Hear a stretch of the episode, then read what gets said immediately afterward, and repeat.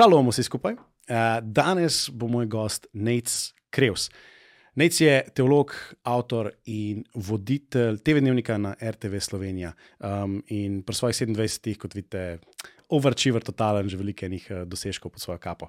Tako da. Um, Imela sem super pogovor, fulejnih tem so se lotila od uh, stanja na RTV-ju do uh, v bistvu njegovega um, dokumentarca, uh, ki ga je naredil o nastanku države Izrael. Tako da zelo zanimiv pogovor, upam, da z nami ostanete do konca.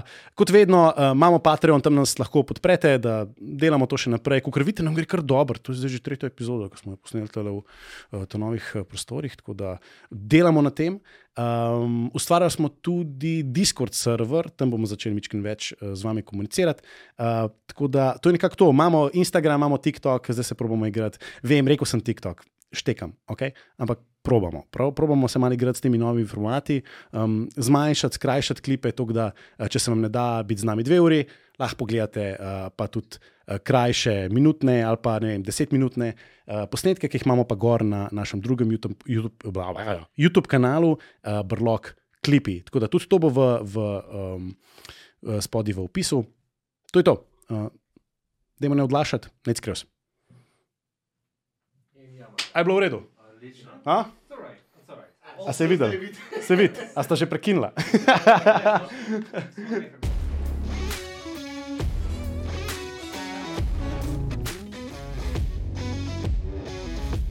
Nec, hvala, da si prišel.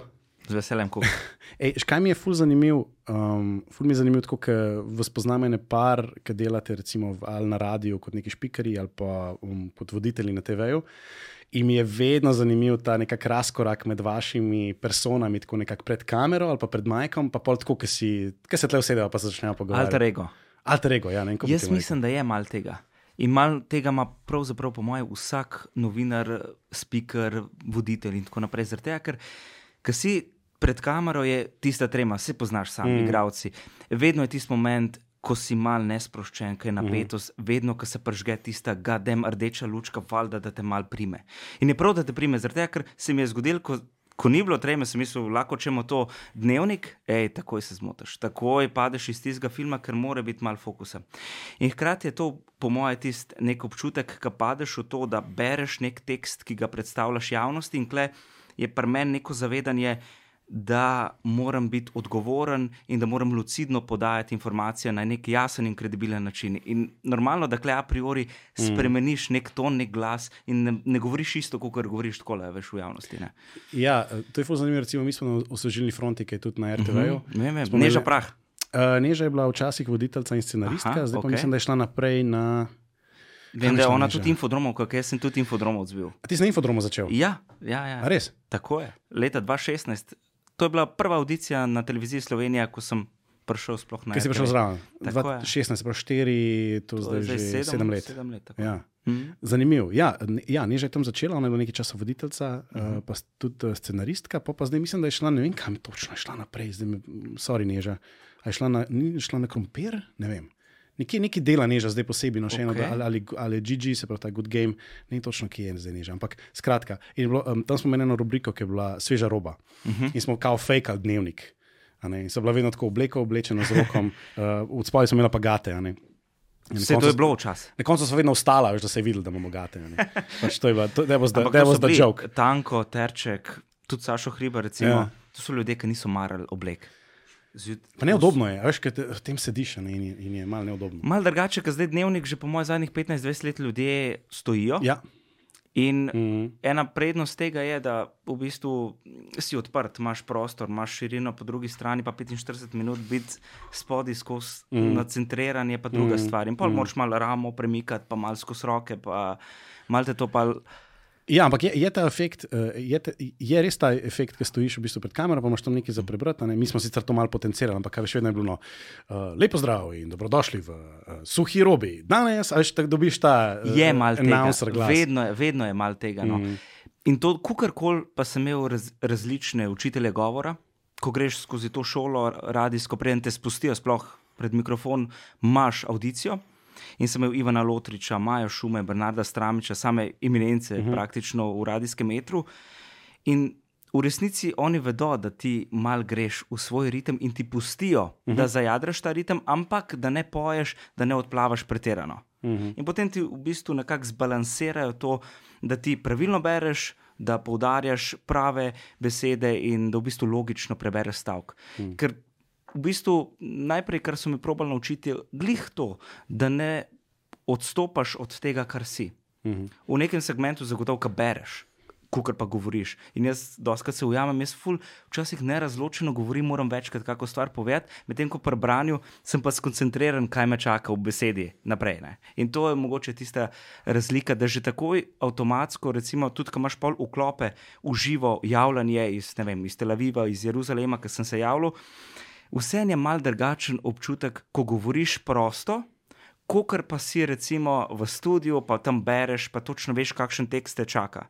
Sej, pol imaš še druge posebnosti, imaš mm. lektorja, ki ti gre v svojo smer, pa ti v zadnjem momentu spremeni kako besedo, vse ne zanalaš, zato ker bi rad popravil zadnji tekst, ampak včasih se mudi, life je zgodba, nimaš kaj in doskrat prebereš kak tekst prima vista, pa se zmotiš, pa tako naprej. Ne?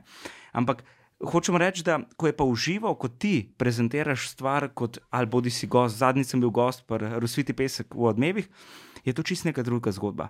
Je to čist drugače, zato ker v enem trenutku mi gre ena misel v eno smer, aha, ok, čakaj, malo nekaj sem se spomnil, bom še drugo dodal. Na dnevniku nimaš, imaš to, imaš uno, imaš tretje.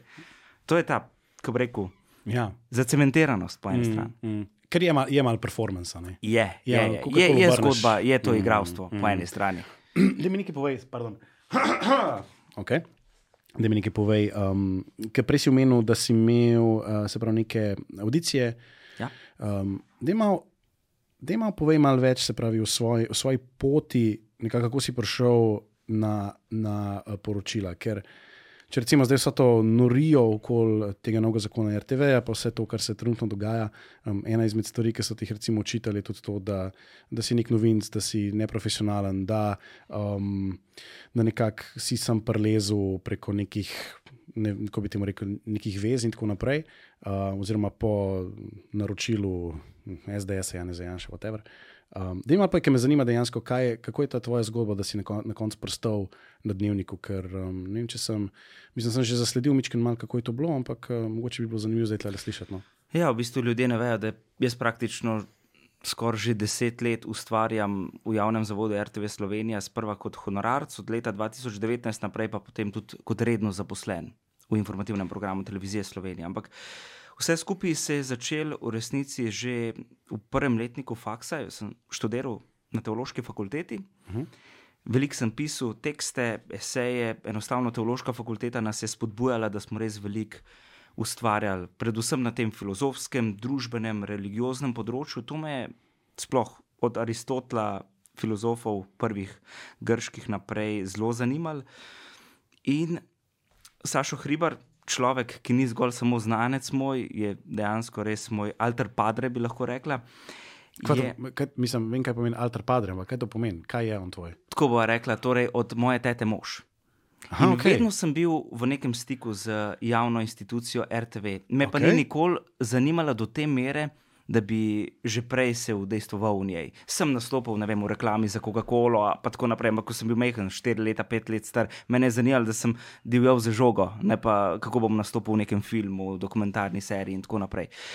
Tako da v neki podzavesti v resnici je bila televizija Slovenija ali pa RTV vedno z mano, ampak nisem sprva začutil, da bo novinarstvo neko moje poslanstvo, v katerem bom pozneje ustvarjal. Tako da bil sem na različnih oddajah, studio City, Hribar, sem, vse sem si pogledal te studije, ampak to me ni nikoli baš neki zanimalo, dokler se nisem odločil za teološko fakulteto. By the way, navdušil me je trkaj za to. Kva? Enostavno. Res je, on je, on je, on je teolog. Je teolog. On je teolog ja. Mislim, da faliran teolog je tudi mm. Antoko, recimo. Tako da nek, neka reperska scena, lej, pa se lahko upravičujem, Antoko, ki ne vem zdaj, ali je diplomiral ali ne, ampak mislim, da je študiral ravno to. In to me je na eni strani malo navdušalo, da v resnici ne gre to samo za neke rigidno. Eh, klerikalno, te neke uh, predpostavke, ki jih ljudje postavljajo ob misli teološka fakulteta. Mm -hmm. Gre v resnici za eno res splošno znanje nad gradnjo gimnazije. In tukaj sem res imel možnost, da sem področje filozofije, teologije, re, regiologije in kulture dost močno razvijal. In Sašo je rekel v enem trenutku, ok, meni pa zanimivo, jaz potrebujem satirični suspens. Po vzoru vseh večjih satiričnih oddaj, tudi na BBC-ju, imajo satirični suspens. Kaj zdaj to pomeni? Satirični suspens pomeni, da ti prekiniš oddajo, bodi si z EPPM, oglasi, bodi si z neko glasbo, bodi si z nekim prispevkom, ker satira težko vzdrži kvalitetnih 50 minut, če jo ne prekineš vmeš, da se človek malo spočije, tudi od satire, ker ne moreš se režati eno uro mm. skozi. To je tudi v filmih, imaš recimo ta uh, comic relief. To, to, ne, to. Ker so neke, te, neke, neke scene, imaš recimo, ki so težke, težke, težke. Točno pa to. moraš malo razbremeniti gledalca, ne, da mu daš To nekaj to. smešnega. To je to. Ne, In pa bi se lih obratno. Glih obratno in Saša okay. Ok. je razmišljal, kaj naj zdaj naredim. Ok, lahko vrtimo skozi to musko in tako naprej. Je rekel, ok, imam eno drugo idejo. Dajmo, dajmo narediti nekaj drugačnega, dajmo narediti družbeno. Političen, kulturni komentar, ki bo presekal to satiro in bo padal mal izven konteksta, včasih pa povsem v kontekstu uh -huh. oddaje, ki je Radio Gaga kot satirični produkt. In tukaj je zanimivo, da v bistvu Sašo mi je na začetku dal res možnost, eh, naprej sem šel na govorne vaje, se izobraževal tudi na področju eh, torej mojega govora, javnega nastopanja in fonetike. In ko sem dobil priložnost v eter, so bile naprej mogoče en stavek, dva stavka. In sproti se nekako je razvijal, da sem znotraj oddaje Radio Gaga razvil svojo rubriko, ki je pozneje torej postala tudi knjiga, besedna artilerija. In to je v resnici Tale nek- tukaj je, ne? Tako je. Tako. Skupek kolumn, eh, mislim, da jih je 63 noter, ker je mm -hmm. takrat v letu 2021 Sašo Hribar bil star 63 let. Uh, oziroma 61, pardon, no, se upravičujem, mislim, da je 61, ki je 60-letnik, ne. torej bo 61, 61 kolumn je noter uh -huh. in ravno vse so v resnici njemu posvečene. Igral sem se s figurativno neko številko, kaj naj zdaj naredim. Štev, veš, eni imajo 100 kolumn, pa je prelomnica, eni 150. Jaz sem rekel, da ima 61, falil sem 60, tako da sem rekel, da ima 61. In to so potem kolumne nastale in te kolumne so raz, tako različne od neke družbene, politične, kulturne tematike, filozofske. In res sem vesel, da Sašo mi je dal kle prvo neko priložnost, da jaz lahko samega sebe izrazim. Jaz sem v resnici imitiral samega sebe. On je rekel, ti si apostol Krevs, teolog, apostol Krevs, ki je prišel in bo zdaj v tisti minuti, ki jo ima na voljo, skušal gledalce malo razbremeniti, pa jim dati priložnost, da nekako razmislijo o tem, kar sem jim povedal čez vikend, ker je petek oddaja in uh -huh. pol se sprosti vse skupaj. No. Jezik je tak, v bistvu zelo, um, Ja, jezik je mogoče. zelo učen. Zelo artikuliran, lepo uporabljaš, ko ti mu reče, five dollar words. Včasih počutiš malo. Zdaj počutim malo globga, ker sem tako fakt, da ta stavek še enkrat preveč. Um, um, a, ok, se pravi. Tako da to, to, so, Ja. to so v bistvu, v resnici je ta knjiga, besedna artilerija, nekako pol že evolucija tega. Mm. Ko rekel, že proti koncu zatonu mojega radijskega udejstvovanja pri oddaji Radio Gaga. Sočasno, nekako. Sorry, se pravi, ti si v bistvu, ki si rekel, da si se um, izobraževal tudi na področju, um, se pravi, ko ste mi reče, špikarstva, rekel si fonetike, Tako je, govora. tako je. To je v bistvu prav Je bilo to povezano, je bilo to povezano bilo- s tem, si dobil priložnost in si potem šel, ali Tako, to je si to že sam neki začel? To je bilo povezano s tem. In ko greš čez ta proces, je uh -huh. potem res, eh, to je fonetiko, si mislim, da mogo 90% pisati, torej da si vse te. Pra, To je prav pravilne- izpit. To je prav dejansko Izpit izpit, znotraj interni izpit. Včasih mislim, da se je to še celo štel, ko so lobirali, da bi znotraj AGRFT to upoštevali kot dejansko diplomo. Ne? Mm. Tako da nekateri spikeri danes še vedno ne. Imajo recimo da srednješolsko izobrazbo, ampak če bi jim še to preštel zraven, so v resnici diplomirani, kako bi rekel, jezikoslovci ali pa ajde, retoriki. Tako da Je to je to bilo, je toliko zakompliciran dejansko. Ja, je, jaz- je ogromno enih priprav. Učenja. absolutno, okay. mislim, to je. Ker, res- ne vem, če veš, ampak jaz nisem izobražen tudi na tem področju. Ne. To sem se sam naučil, no. sam hočem reči. Štekam, štekam, pa si samo Dva pristopa. a Ne. A si sploh izobražen? ne. Okay. Kaj je to izobrazba? Foliran pravnik, imam gimnazijo, to pa imam. No, vidiš. Evo, pa pa vse, gremo, wing it. Jaz sem smo vsi tle taki. Ok, se pravi, v bistvu moraš iti čez en tak kom- kompliciran, kompliciran postopek, da se Tako. te sploh spustijo pred. Z, radio. zato mi je ful smešno, ko ljudje pravijo, ti, kaj ti zdaj krev začetnik na dnevniku, ne zna brati, uno, tretje, le kak glas ima, da se tresoč, ne vem kaj. Skratka, take stvari, ki človek si misli, da te malo se umiriti, nehite s temi nebulozami, pa enostavno mogoče sam življenjepis moj preberete ali pa upoštevate recimo tisti sploh recimo, ki so bolj radikalni na levi, dajte mogoče pogledati, da sem za Studio City tudi naredil kar nekaj prispevkov, pa boste, pa boste ste malo pol pomirili. Ampak deva se vrniti mogoče na ta, da Prej gre na studio City. Ja. Se pravi, eh, ta besedna artilerija je bila tudi, eh, je bila tudi v bistvu tam neka rubrika, kako se temu reče. Tako je, v bistvu rubrika ja. znotraj oddaje Radio Gaga. In to si potem povzel v tej, v tej knjigi. Tako je. Ja, Ja, Jaz sem okay. jih združil, nekatere sem modificiral, še dodal, ker zrelostno malo tudi spremeniš svoj pogled na Ja, svet, ja. na vsake tok. Tako da to je v bistvu produkt Štekam. Radia Gaga. To je produkt tiste ne, Tako, majšna- nepotizma pri Tako, radiu. to je, to je ta eklatantni nepotizem, The ki, best. ki na radio televiziji Slovenije osvaja svetove. Tako, tako. Um, je pa sicer ta knjiga nastala pri manjši založbi Apokalipsa, uh Mhm. -huh. spremno besedo je napisal pisatelj Juri Hudolin. S pomočjo javne agencije za knjigo je torej išla knjiga, torej Ministrstvo za kulturo je svoje tudi Mhm. prispevalo in sem vesel, no, da, da podpirajo tudi mlajše ustvarjalce, ki smo na začetku te poti. Okay, Zdaj- se pravi, se pravi, eh, delaš na javni RTV, financira te Ministrstvo za kulturo. Okay, tle smo začeli. Eh, Kako si je pa pol nadaljeval svojo pot um, pol na, na TV-ju? Si naredil verjetno skok iz. iz, eh, iz Sočasno v resnici je bilo tako, da sem se en dan vozil v avtu in slišim po radiju Val 202 audicija za televizijo Slovenija za voditelja otroške informativne vdaje Infodrom. uh -huh. In jaz sem bil cel navdušen, zapaljen, ok, zakaj pa le, na radiju se je nekaj odprl, mogoče se bo še kaj na televiziji. No, pa da še povem eno stvar, ne prav zanimiv je. Ko smo govorili o nepotizmu, Sašo je namenoma pustil, da jaz eno leto nimam honorarja. Ravno zaradi tega, da se ne bi kdo Ja. slučajno v to vtaknil, a lega, lega svojega fun. Ne? A če kaj, uh, za ston si delal? Jaz sem delal eno leto za ston, dokler nisem imel, potem sem pa dobil. Še na radio študentih plačajo, stari. Ja, vem, pravi, 19 že- evrov eh, je, mislim, da program, spikerski program, cel dan. 19 res? evrov, nekaj 19 tasga, evrov. ker sem razmišljal tudi o RS-u, da bi se prijavil ja. kot pač nek um, sredstvo, prostor, kjer bi lahko ustvarjal. Ampak Ja, jaz sem imel tam se- eno kolegico, sorry, zdaj se spomnim, imel sem takrat eno kolegico in, in, in uh, mi je bilo fuz zanimivo, ker mislim, da mi je rekla, da, da jih plačajo, mislim, dve, dva evra pa pol na uro, nekaj takega, tako res grozen, grozen smešen. Um, in je bilo to glih ta takrat- grozen kapitalizem. a ni Ja, a ne, grozen? točno to. A In grozen. Valjda, pač die hard komunistka, feministka. Uh Mhm. -huh. In sem rekel, hej, koliko je zanimivo, da dejansko tam pustiš, da te v bistvu izkoriščajo. Ja. Dve ura pa pol, se pravi, dve, dva, dva evra pa pol na uro. Da te na radiju študent izkorišča urednik, ki je star 45 let. Pa Nice. dela na radiju študent. A ni to mal čudno? Totalno ne kripi. Ok, moving on. Um, se Ostala pravi- sva zdaj ja. med tem mostom, med radijem Ja, in televizijo. se pravi, en let si tlačanil za svojega strica. Tako je. Um, Vmes sem, na- sva, sva govorila, vmes sva govorila, da sem po radiju slišal za Tako, ja. audicijo. Tako za infodroma. Ne? Ja, in nekako takrat sem prvič zaslutil, da bi moral biti med radijem in televizijo most, ne pa zid, kot je danes. Mm.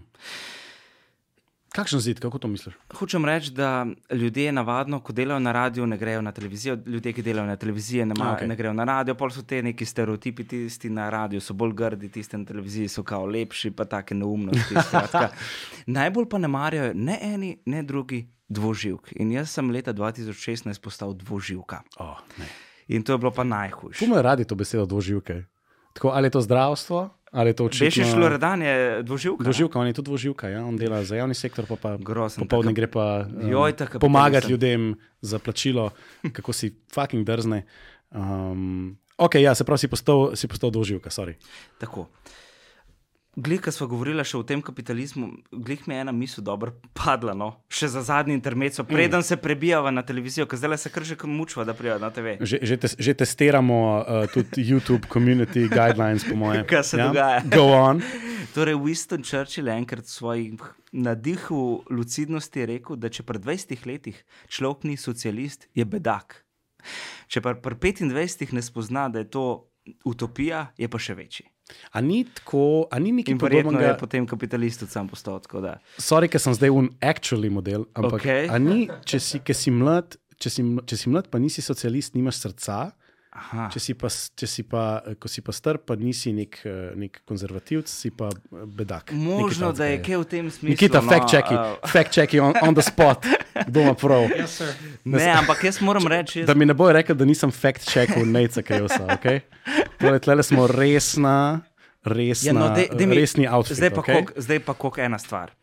Če Gevara, priznaj, da pri ne vem, 16 letih, jaz sem, ko sem videl tega lika, jaz sem mislil, ej, tip je šel, z- doktor je bil, šel je z motorjem, razumeš, čez celo Južno Ameriko, pomagal je osvoboditi Kubo. Razumeš, Jaz sem ej? bil heavy komunist, ko sem bil v gimnaziji. Stari, meni je bilo to ono, wow. Ja, itak. Stari. Ne, sej je, sej, jaz, ne, jaz bi bil, jaz bi bil z Patria veseljem. umerte. Jaz bi bil z veseljem, jaz bi bil z veseljem socialist, če ne bi videl, da se vsakič zadeva konča z, z, z smrtjo. ja, Na masovnem področju. gulagi pa tako naprej. Ja. Ej, a je moj majk v redu? A se je nekaj likar zgodil? Uh, ne, v redu. Ne, ok, sorry, ker sem se malo slab se Kaj slišal. pa fact check je že A, si, minil? a boš več čakal? Fact check se je checknul in sem tudi dis, disproval par stvari. Uh, Aha, ok. Torej, če pogledamo, imamo, kao Winston Churchill je rekel, if a man is not a socialist by the time of he is 20, he has no heart. Oh. If he is not a conservative by the time he is 40, he has no brain. Oba so bila tam nekje vmes. a Tam Ne? nekje vmes, ampak Plot meni je. twist, plot twist, Okay. To je George Bernard Shaw rekel. Oh, ok, zmotila so se. Ja, Evo, zdaj mi spet majk normalno dela, Aleks. A je možno, da sem kaj jaz eh, pri pr slušalkah? Verjetno si preslušal. Ok, cool, ti lepo slišiš. Na koncu vse dela. Ok, super. Sorry.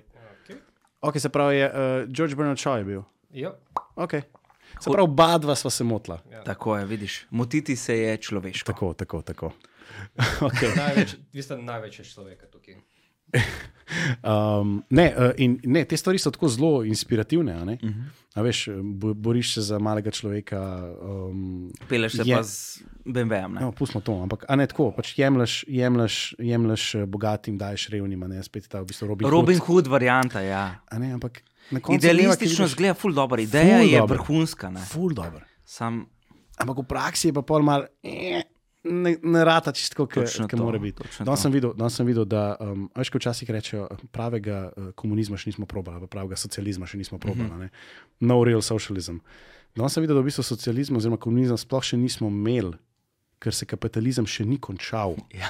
Tako da ne moramo mi govoriti o vseh teh eksperimentih, ki so se zgodili, kot o resničnem komunizmu. Tako da najprej moramo valjda svet popolnoma uničiti, potem pa lahko začnemo neko utopijo graditi na, na, na teh ruševinah. a Ne, Tako, e, ne vem, če bi, ne vem, če bi lihrat to, eh, če bi rešil po tej, po tej poti. Mislim, da nam gre za enkrat čisto redo. Čisto ok. Um, ampak, ker smo že uh, pri komunizmu, se pravi na RTV-ju, si ti, um, na RTV-ju si pa uletel v. hecam se. Um, to je tudi moj delodajalec občasni, tako da mislim, da, Ja, ja. da, da, da, da se smem malo pošaliti. Um, Zdaj se sva pravi, na- ulet- mi- Mi smo se ustavili pri, torej, pri Televiziji. infodromu, ti si Ja. uletel na, na, na televizijo. Tako je bilo. Jaz sem na- slišal tisto audicijo, in Audicijo. potem sem šel na audicijo, ki je potekala, mislim, da v enih treh krogih. Naprej, mislim, da smo imeli tako, da smo na mizo dobili neke listke in si mogel, katera informacija se ti zdi pomembna, si mogel selektivno določiti. Potem si mogel, malo so te preverjali, kako dobro napišeš tekst, kako ga izoblikuješ. Potem pa zadnja faza je pa, koliko nas kamera ljubi. Uh -huh. In klem je Sašo, preden sem odvodil prvi infodrom, mislim, da je bilo to 7. oktober 2016, manj da je treba se te prelomnice zapomniti. In mi je rekel, da v bistvu je kamera kot dama, ki moraš dvoriti. In to moraš početi s nekim sofisticiranim stilom. In odločen, da boš na koncu karkoli že. Ne? uh. Tako Uh, da- Sašo. To je bila precej intimna, taka resna, uh -huh. resni pogovor in moram reči, da tudi Sašo je se kar potrudil, Še vadila. Barry White je igral v zadju, ki ti je to razlagal. Ja, veš kaj? Veš, nec, ti se moraš ljubiti s kamero. Pogledati nežno. In še petati. In se na koncu ljubiti z njo. Vidiš, na koncu je ta ljubezen še, še danes precej očitna. Ker sem še danes voditelj, sicer v drugi vlogi. Jaz sem potem od leta 2016 do 2020 bil v uredništvu Infodroma, torej uh -huh. otroške in mladinske oddaje, ki so znotraj torej, kulturno-umetniškega programa Radio Televizije Slovenije, se mislim, da so tudi tam honorarno. Tako da jaz sem uh Mhm. -huh. tudi honorarno tam eh, potem se razvil, sočasno, vidiš, kako se pol te domene pomaknejo. Ok, bil sem voditelj, pa hkrati tudi novinar v Infodromu, ampak sem rekel, zanima me tudi informativni program. V resnici, iskreno mi je bila vedno intimna želja biti voditelj informativnih oddaj, poročil. Zakaj? Ne zaradi nekega lastnega, kako bi rekel, egotripnega vzgiba, ampak predvsem zato, ker želim biti človek, ki posreduje informacije. Zdaj, verjetno sem pa enih 30 let pozno, zaradi tega, ker novice ob 19. jih že vsi vejo ob 3. Ja. Tako da malo sem ujet ja. Na to, da je moja publika 60 plus Mm. ali pa mogoče 50 plus. No. Ja. Te gledalce lovim, morda mi ratuje, morda ne. Vem, da vsakeč, ko srečam zjutraj, Znaš kaj? grem v službo, srečam veš, starejšo gospo, malo slabše sliši, pa prav, veste, gospod Krevs, jaz vedno dam slušalke gor ob sedmih oh, in vas rada poslušam. Kako gledam." lepo.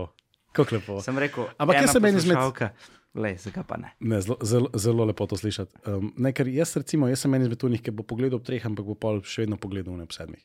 A, okay, Tako da ne vem, okay. pač, ker, ker cool. se mi zdi še vedno, da je nek razkorak v kvaliteti in širini se strinjam, informacij se strinjam, se. med temi nekimi popodnev, popodnevskimi. popodnevskimi Ja, besed, popoldanskimi, popoldanskimi ja, ja, hvala. ja. Vidiš, se pravi, nisem šel čez izpit.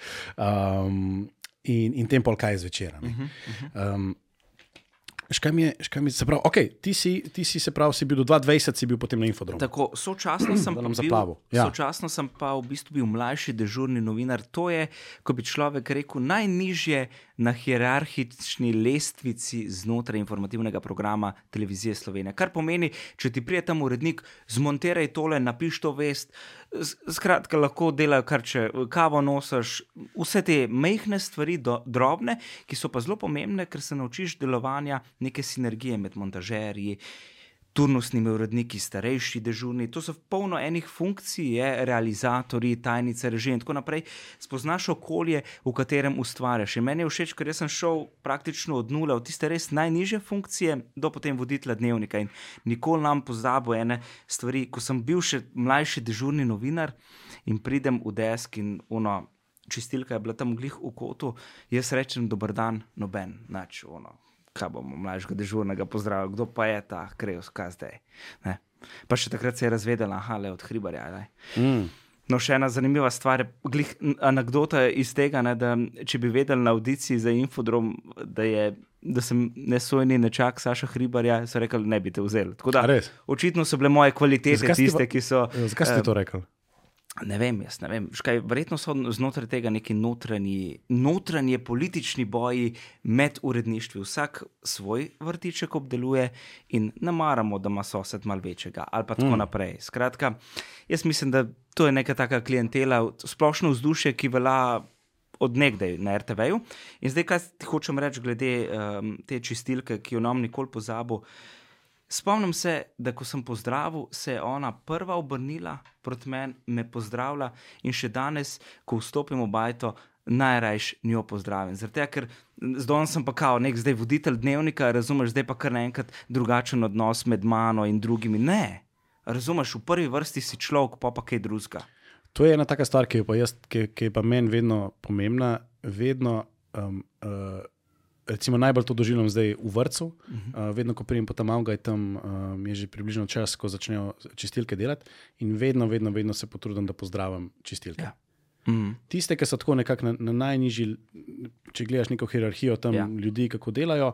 Um, da se vedno enako obnašaš, ali je, Točno to to. neka, ali je to neka čistilka tam, ali pa Ja. ja. to neka, um, ne vem, uh, kako se temu reče, eh, šefica. Točno to, da je človek. ustanove, vrtca. a Razumeš, da si ne na zadnje, ok, ja. Hvaležen, da to, kar imaš, ampak hkrati razumeš tudi položaj drugih in spoštuješ položaj drugega. Mm. Mm.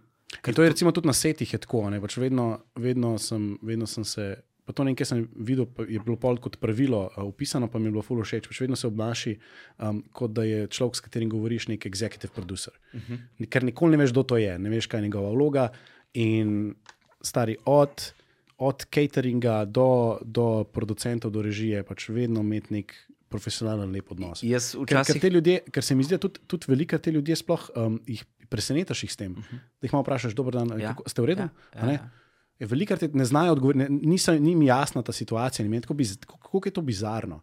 da, tam, um, da, da, da se mu to ne zgodi vsak dan. Ne, da so te eni ljudje, ki delajo um, taka neka. Veš, pomembno pravilo v končni fazi, mislim, tam se otroci igrajo, tam vsi so skozi bolni, tam so virusi po tleh, te Pa da daš tudi nek zgled. Da, spucajo. znaš, da daš tudi nek zgled, kot je nekdo drug. Pa človeka vidiš čist kot, recimo, kot zdaj, ki je papež noge umival, Mm, uh, ja. recimo tistim fantom Ja, um, iz eh, zapora italijanskega. Mm -hmm. To je točno to. Ja. To je točno to. Ti si kot nek najvišji po hierarhiji poslanec od Boga Ja. in ti umivaš noge kriminalcem. Mhm. To sporočilo je tisto, ki, um, ki je res, vsaj meni, eno izmed najmočnejših uh, pri krščanstvu. Ne, pa se to. Včasih mi izoblikujemo okolje, včasih okolje izoblikuje nas. In če je sinergija med temi svetovami, potem lahko mi izboljšujemo svet, v katerem živimo. In to je tudi glavni purpose tega, da smo kle. Mm, mm. Da mi, povej, da mi povej, se pravi, ti si tam junior, tam te vsi izkoriščajo, kavice kuhaš, laufaš sem pa tako, Kako ja. izgleda? Kako izgleda recimo, um, zelo- življenje novinarja, kako ste, ste rekel, začetnika? Tako je, novinar začetnik. Ja. In to je bilo, by the way, leta 2016. ne. Ja. Medtem ko mi zdaj nekateri pri leta 2023 učitajo začetništvo. Tako Da, Ja.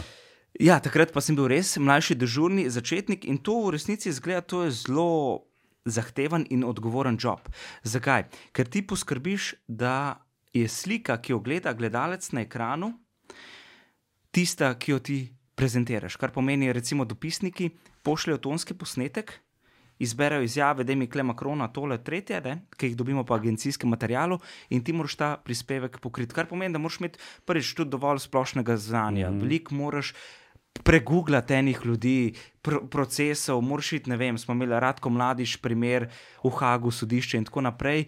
Si mogel malo naštudirati stvari, si mogel, je bila kakšna obletnica ali pa ne vem, atentat na Zorana Džinčiča, pre, srpskega premija leta 2003, pa je bila obletnica, mm. pa si mogel iti v arhiv pogledati, ker material smo takrat imeli, ko se je to zgodilo, kdo so bili analitiki, kdo je bil takrat predsednik države, kdo je bil opozicija in tako naprej. Ful enih takih stvari, ki, je, ki so v resnici odgovornost velika. In doskrat se je zgodil, mi kažemo Benjamina Netanjahuja, tam pa govorimo o palestincih ali pa govorimo vem, o Gazi, ki zdaj je glih moj fohto, uh -huh. mi imamo pa posnetke Tel Aviva ali pa Jeruzalema. Ja, ne gre, ne. In problem je. Jaz se spomnim, ko sem prišel prvič v Desk. Desk je to srce informativnega programa, tam se ustvarja dnevnik, Kaj je to desk? Kako to zgleda? Tam imaš fulejnih ljudi. Skratka, kot sem že rekel, prej realizatori, mlajši dežurni, starejši dežurni, turnusni urednik.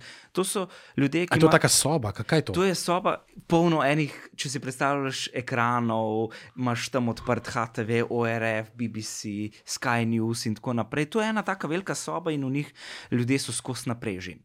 In te ljudje so glavni operativci tistega dneva. Potem imaš pa ljudi. Kot so novinari, ki so pa v svoji pisarni, ki pa uleti iz terena, pa pravijo: Evo, zdaj sem bil na koaliciji, Golop je rekel to, jaz predlagam, da gremo vem, na vklop, v Brdu pri Kranju se dogaja ta zadeva, uno tretje. Skratka, neka celota, kjer se v bistvu eh, ustvarja informativni program. In veliko je tam polno enih klicev, potem pride prevajalec, lektorca. In res mogoče ljudje imajo napačne predstave, sploh ko dobivam tako le maile ali pa kakšne telefonske klice, pa zakaj ste dali to, pa uno, pa tretje, pa Lady Krevsa, pa gor dol. Jaz nisem urednik dnevnika, jaz ne presojam vsebine, jaz jih sooblikujem in prilagodim na način, da jih bom verodostojno eh, torej povedal eh, našim odjemalcem, mm. torej plačnikom RTV-ja. Sliši se v bistvu ful zanimivo, ne, kako si rekel. Tako, prav, um, veš, kaj sem jaz, zdaj sem spomnil na uno serijo, ki ne vem, to, ah, kako se je že imenovala. Um, tudi ne Ki je bila se prav televizijska o, o, A je The- nastanku a je bil Fox The News. Network? ali je Bilo, ne, a ne? kao ta, ta tretja opcija. Nismo CNN, nismo Mhm. Fox News, nismo Em, MSNBC. ABC, a je, ne. Ne, je bilo prav zmislil so si, nek A- A- ANN, nek American News Network, nekaj takega mislim, da je bilo. Dej, uh, uh, Nikita, daj plis pogled, sem vem, da že čekiraš. Uh, a je bilo The Network ali Network ali nekaj takega. Pa to je bila prav serija? Serija je bila stari. Jaz sem to gledal, jaz sem to gledal, Ker ker sem, ker sem mi bil še na pravnem faksu. Aha, ok. To je, to je tako zidealizirana, v najboljši Podoba, možni aha. luči predstavljen, a veš, uh, novinarski poklic. Da se tako, kot to gledaš, tako, oh, fuck, Jaz jaz, to bi bil biti, ne." novinar, jaz bi hotel rešiti svet, jaz tam lahko spremenim družbo. A veš, in ker sem to gledal, sem bil tako. Jaz sem bil napaljen nekaj časa, da bi tudi mogoče šel v neki tazga. A veš, in sem takrat se, se spomnim, uh, kako se imenuje. A je iz 2012, 2014. Verjetno, ja, ene The, par. the Newsroom. The newsroom, newsroom. Aha, sem slišal, pa nisem gledal, ker mi da se očitno glej zamenjala, ti si na pravo hodil, jaz sem Ja. pa gledal suc. Sud, tudi jaz sem se odzgledal. Ampak so mi isto rekli ljudje, idealiziraj uz, da bom jaz Ja, pa jaz tam šel na sodišče, uno z takoj tam- primeri. Tiča vrgo na mizo pred sodnikom in bom tako, no, gospod sodnik, moja stranka je nedolžna, wow, vsi mi bojo ploskali, bebe bojo preletele. E, tebi kaj cukra padlo? A ja, Haribo, se res, pa nisem Ja, prej. ja, ja. Um, veliki Pa pa, petek je sicer, a ne morala. Čeprav Ja, to, pa se tole mi ni A, veš, uh, kaj je? mesna. Je? Veš, kaj je? Kaj je? Kaj je noter? Kaj je gumi? Ne, ne, to ne bi rad poslušal, res ne. Ne, ne, ampak- ne nočem, nočem, da me prepričaš. Kolagen je, se pravi, ko ste mu reče, um, um, zmlete kravje in, in pač. Ne, niso tle kosti, to so v gummy bears, v teh le samo. A te niso? To je Aha. Damn? Jesus, Jesus approved. Okay. Okay, yeah. Okay. Ne vem, kdaj še na zadnje te. En posnetek je, ki ga imam, ki sem mm -hmm. star po moje tri leta. Ker sedim, pa drkam tam en, um, sem grdo rekel. Se igram z eno, en, enim tem pocen Gameboyem, uh -huh. pa te, te bombone jem. Te rumeno, Ne. roza, haribo. A pa se kdaj, jaz se včasih prav spozabam, ko vidim sebe, kako objestno se lotim teh stvari. Ej, mm, mm. To je noro. so okusni. No, ampak ja, skratka, in on tam, recimo, ta, uh, ni Je- je Jeff Daniels, kdo je bil uh, glavni igralec. Zdaj si ga spet spravil. Ne, sam, ker se ne morem spomniti. more, imena. a moraš ti vedno to googlati, Ja. te stvari? Ja, Mislim, s ful. s takim šefom, ja, moram Ja, ja, ja, štekam Je-. Partnerjem, ne šefom. Partner. Tukaj smo vsi enaki. Okay? Managing partner. Okrogla miza. Ja, Um, mislim, da je Jeff Daniels je ta glavni. Jeff Daniels ta glavni. Will Um, on, je igral, on je igral enega uh, konzervativca, on je bil republikanc. Um, in kar so oni probali narediti, je tako je Jeff Daniels, Will, Will McAvoy, tako. Uh, čisto do. In um, on, je, on je igral enega načelnega, um, načelnega, kako bi ti mu rekel, um, voditelja večernih novic. Aha, aha. Um, in je bilo zakon, je bilo, evo, tako, newsroom, cool. ne, to, tako nekako. Tako nekako, to je to. Ja. to, je to. In uh, zdaj gledava trailer, ja, luči se pržgejo. In fora je bilo, da je bilo, oni so, uh, mislim, da so govorili o novicah, ki so bile. Dve leti, ki so se dve leti nazaj uh, prej dogajale. Se pravi, Wow. serija je pre- bila predstavljena v preteklost, v bistvu. Uh Mhm. -huh. In so lahko um, z nekim, kako bi ti rekel, z neko kritično distanco uh, um, Predstavljal si časa, ne pol dejansko šli nazaj. Niso šli na breaking news.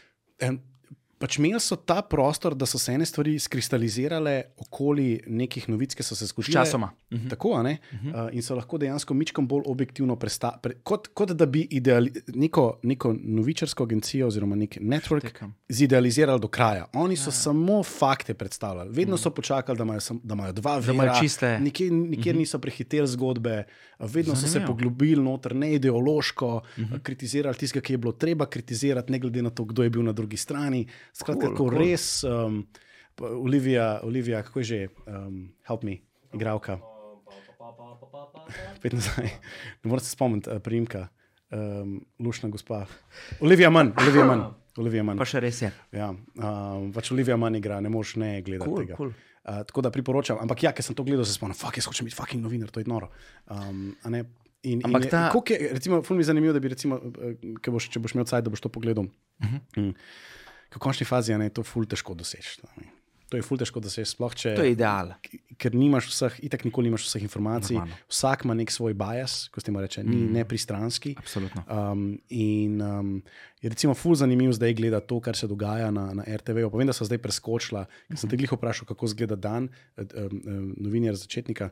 Um, bo, bo skočila nazaj, sem samo to sem reči, recimo, kako, kako dobro zveni ena taka, ena taka idealizirana, idealizirana ideja neke uh, postaje, ki ti podajo informacije, ki lahko rečeš, ok, to, kar gledam, to, kar se dogaja, to, kar prihaja do mene, je na nek način, um, kar se da objektivno.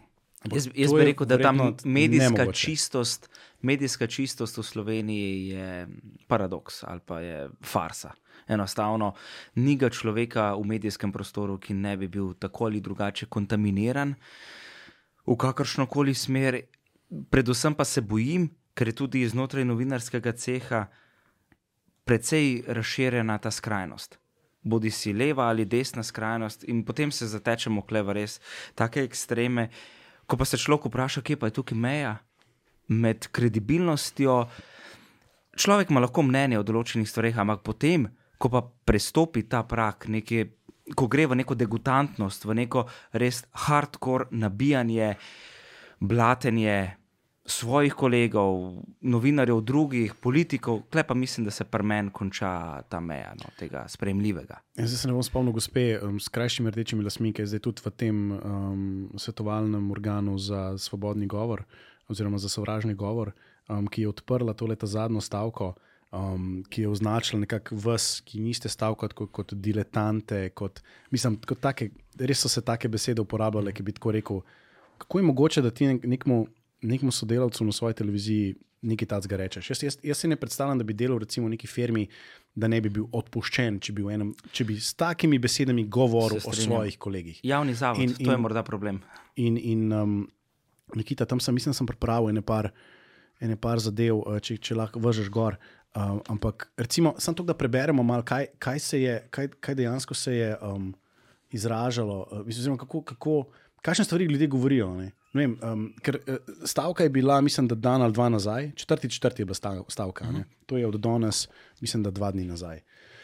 Um, in takrat ste v bistvu vi morali, ker kolegi niso delali, ker so stavkali, ste vi morali sami speljati, um, sami ste morali speljati ta uh, informativni program, celoten, od zjutraj do zvečera. Ne.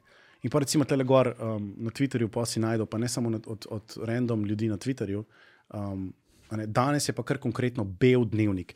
Možina, Pirko, Krevs, še una ta mala, verjetno govorijo o Valentini, um, Plaskan, ki je tudi um, tvoja kolegica, ni da ni. A pa, a, a pa se bo tole kaj spucal počasi kako? Mislim, to, kje je ta, dej, če greš naprej, recimo, um, Nikita. A, okno zapiraš, e, um, otroški vrtec je zraven, ja, pa se pa malo sliši. Um, recimo, če greš naprej, Nikita. Ne vem, no, meni je to kar, kar malo me je šokiralo. Kaj, um, kaj je bilo pa to danes na dnevniku, RTV, Plaskan, Svetina, Krejus, Areh, Milenkovič, um, Možina in dopisnici so sestavili spalen vadbeni izdelek drugega letnika novinarstva. Igor Perkovič je presegal celo Igor, Igorja Perkoviča in hudič Uroš Urbanija je vzel javno TV. Teli so zreli za pregon. Če greš naprej, recimo Vasev je klasika. Um, če to, ne, da pojmo naprej, peče na mladino, recimo, ja, to je, ampak to je pa odvezja, kaj po moje. Novinari kot so Nec Krejus, Valentina Plaskan, Gašpor Petovar, Igor Perkovič in drugi so vdano upravili svoj umazan posel in pljunili čez vse, za kar v novinarstvu gre. Posmehovali so se kolegicam in kolegom, ki so tisti dan stavkali. Dej, če klikneš tam le ta tretji tab, ki je, ne, ki je gor, gor, v srednjih poročilih, ne peti, kdo so ugrabitelji, tam le, še enega bltja, desno, še enega desno, hvala. Recimo, to je gor na, ve, na vezek.com, um, en izmed njegovih prispevkov, ker se furadi o tem pogovarjajo. Um, in um, če greš dol, uh, naslov, ne, ker ostane tle, ki je označen, kdo so grabitelji RTV Slovenije in naslov. Uh, če bo kdo šel gledat in povedati, le highlight. Poskušajmo spostaviti navedeno analogijo še bolj konkretno. Kaj točno si Andrej Grah, Vatmal, Uroš Urbanija, Jadranka Rebrnik, Igor Pirkovič, Jože Možina, Nec Krejus, Marko Milenkovič in vsi ostali pomagači, verjetno poma, pomagači. Uh, prejšnji vladi, predstavljajo svoje prihodnje profesionalno delovanje, ko jim je vendar popolnoma jasno, da premišljeno sodelujejo v projektu uničenja najpomembnejšega medija v državi in so pri tem več kot očitno pripravljeni zakorakati čisto do konca. Kaj jih motivira in kaj nameravajo početi dan kasneje, če jim projekt morda ne bi uspel?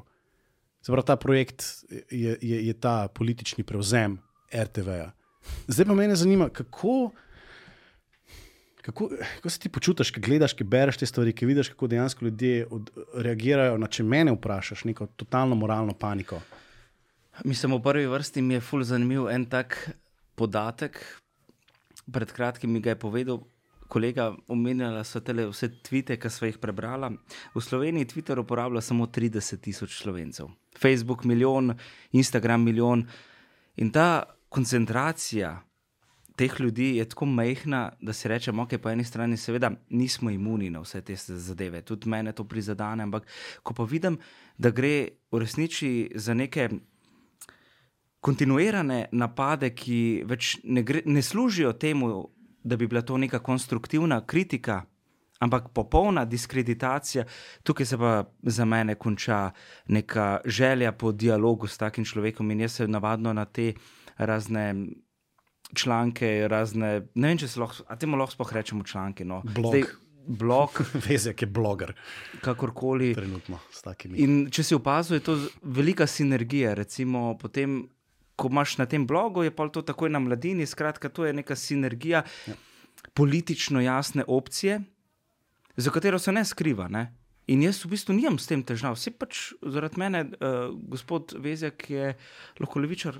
Ne, hvala Bogu, če se tako opredeljuje in tako naprej, ampak da žali pa ljudi, ki imajo morda drugačno mnenje ali pa drugačno razmišljanje, je pa popolnoma zgrešeno. Zakaj me Boris Vezek ni napadel, ko sem bil novinar Studia City? Zakaj Boris Vezek ni nič rekel vem, na dokumentarni film o Izraelu? Verjetno zato, ker ni ravno to njegova tema, ampak polno je nekih takih stvari, na katere v resnici se nima smisla pogovarjati, ker s tem več povedo o sebi kot o drugih. Za moje pojme je v resnici ne vem, pa je brez veze operirati z imeni, ampak To sta dva kovanca iste zgodbe, skrajna levica in skrajna desnica, in tukaj se povežeta v neko koalicijo sovraštva in frustracij.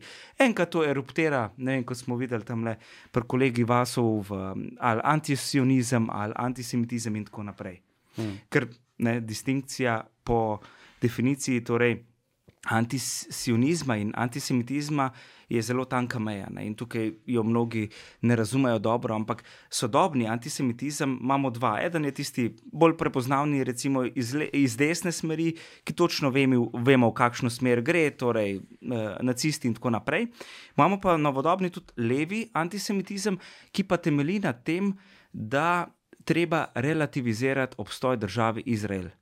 Ker država Izrael kot taka je vprašljiva, moralno vprašljiva. Ne? In tukaj se stvar gre v čisto napačne vode, kar pa ne pomeni, da davno od tega ljudje v Sloveniji ne razumejo enega koncepta, se, se bo pa še glede mhm. -huh. tega dotaknila, ampak ne razumejo, da če spoštuješ sionizem, torej osnovno logično predpostavko, pomena razvoja sodobne države Izrael, da a priori ne izključuješ pravic palestincev do njihove samodločbe. In to je v tem primeru. In jaz še vedno zagovarjam tu State Solution, ki je žal mrtev projekt, ampak če podpiraš pravico Izraelcem, še ne pomeni, da izključuješ pravice palestincem. In tega žal v Sloveniji ne razumemo. In če se vrnemo na to, gre za eklatanten primer polarizacije, namenske polarizacije in osebne verbalne diskreditacije do posameznikov. In to je not good.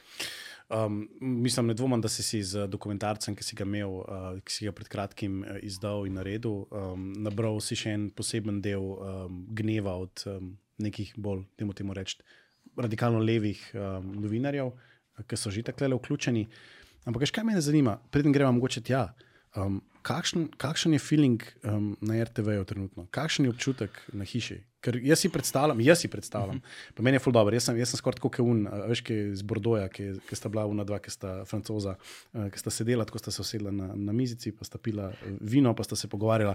Zadnji je bil pa protest, pa je vse gorel. Pa je bilo tako taka, a veš, to, to sem, jaz sem un, ki sedi, pa pije vino, pa uživa v razgledu. Razum, razum. Ampak ti moš pa dejansko tam biti. Uh -huh. Ti moš tam biti, ti moš tam uh, delati. In me zanima, z tvoje perspektive, kakšno je ozračje zdaj tam? Ja, klima je težka mislim, precej nelagodna, včasih na momente utesnjena. Ampak ta klima je posledica načrtnega, dolgotrajnega procesa destrukcije javnega zavoda RTV Slovenija. Javni zavod trenutno se mi zdi stagnira. Stagnira v nekem ustvarjalnem smislu. Zakaj? Nismo naredili tega preskoka na moje voditeljstvo, ampak ustavila ja, sva tam pri mlajšem dežurnim. Ja. Zakaj?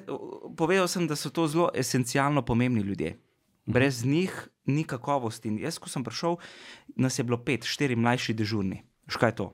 Danes je mlajši dežurn samo eden ki mora poskrbeti za vso sliko, in logično, da se dogajajo napake, take kot so, da je vem, pod uh, kozo bil podpisan Robert Golop. To ni bila namenska napaka ali pa kakršno koli žaljenje predsednika vlade. Ista zadeva je, recimo, ko se mi je zgodilo, v studiu, zakaj je bil tak pomp. Pa se je mnogim že zgodil, da je Bobin preskočil, pa se ni noben odzval. Odzvali so se na mene, ker so si pa želeli odzvati. Ampak v tistem primeru, recimo, ko je Bobin preskočil, ko enostavno ni bilo besedila, ki bi ga jaz mogel imeti na Bobin, ena stvar je bila ta. Računalnik za tisto mizo je bil na drugi strani, list, ki sem imel na drugi strani. Jaz sem bil na eni poziciji, ki se imenuje Wall Komentar, kjer nisem imel pri sebi vsega materiala. Imel sem naprej uh, tekst, nisem imel pa ravno ene vestičke, ki je potem se izmuznila in je povzročila takšno težavo, kakršno je. Torej, da jaz nisem dobil teksta, ki bi ga mogel prebrati, in to je bila stiska, le tistih pet sekund, ko jaz nisem vedel, kaj narediti, ker je bilo tako zahtevno, uh, enostavno je trajalo, kot da bi bilo eno uro. In zakaj so tako pomembni? Mlajši državni novinari so res uh, pomembni. In tukaj v tem primeru je šlo da tista, ki je vrtela bobn, bobnarčarka, ji pravimo, je prišla vsa objokana dol iz režije in rekla: lej, uh, Ful mi je žal, komaj dobro si začel voditi dnevnik, dobro ti gre in mi je žal, da si zaradi moje napake jokala se je pred mano. Da je pač zadeva šla v takšno smer, kakršno je šla, in potem so ljudje, uh, to vzeli kot neko stvar, kot je, da sem jaz neprofesionalen, da se ne znam, v resnici pa recimo, na, da se ne znam znajti ali kakorkoli v tem smislu, ampak recimo na BBC-ju iz tega naredijo blooper, nar, iz tega naredijo hece, pohecejo, uh -huh. kako nas smo imeli kle težave in ljudje, tudi gledalci, levi ali pa desni, to sprejmejo, ne pa da se privoščljivo iz tega delajo norce, kot se delajo določeni mediji, ki menjajo svoje barve glede na svojega lastnika. Jaz se spomnim tega momenta. Ja. Lih, to je bil en izmed tvojih prvih dnevnikov, ni bil?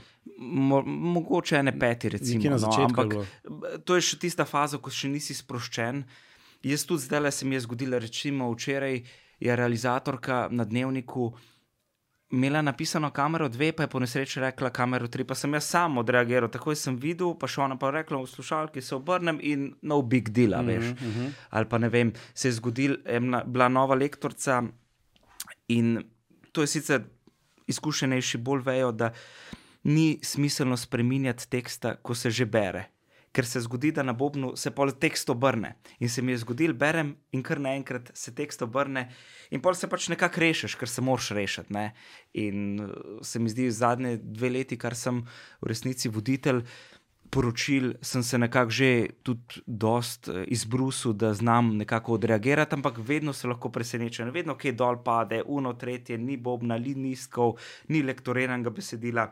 In ti zdevnik je bil pač takšen, kakršen je bil. Za kar se v resnici še zdaj mi je žal in se upravičujem gledalkam in gledalcem, ampak treba iti naprej. In jaz mislim, da sem dobil tudi eno sovereno kožo iz tega. Kaj hočem reči, da se vrnem na destrukcijo javnega zavoda?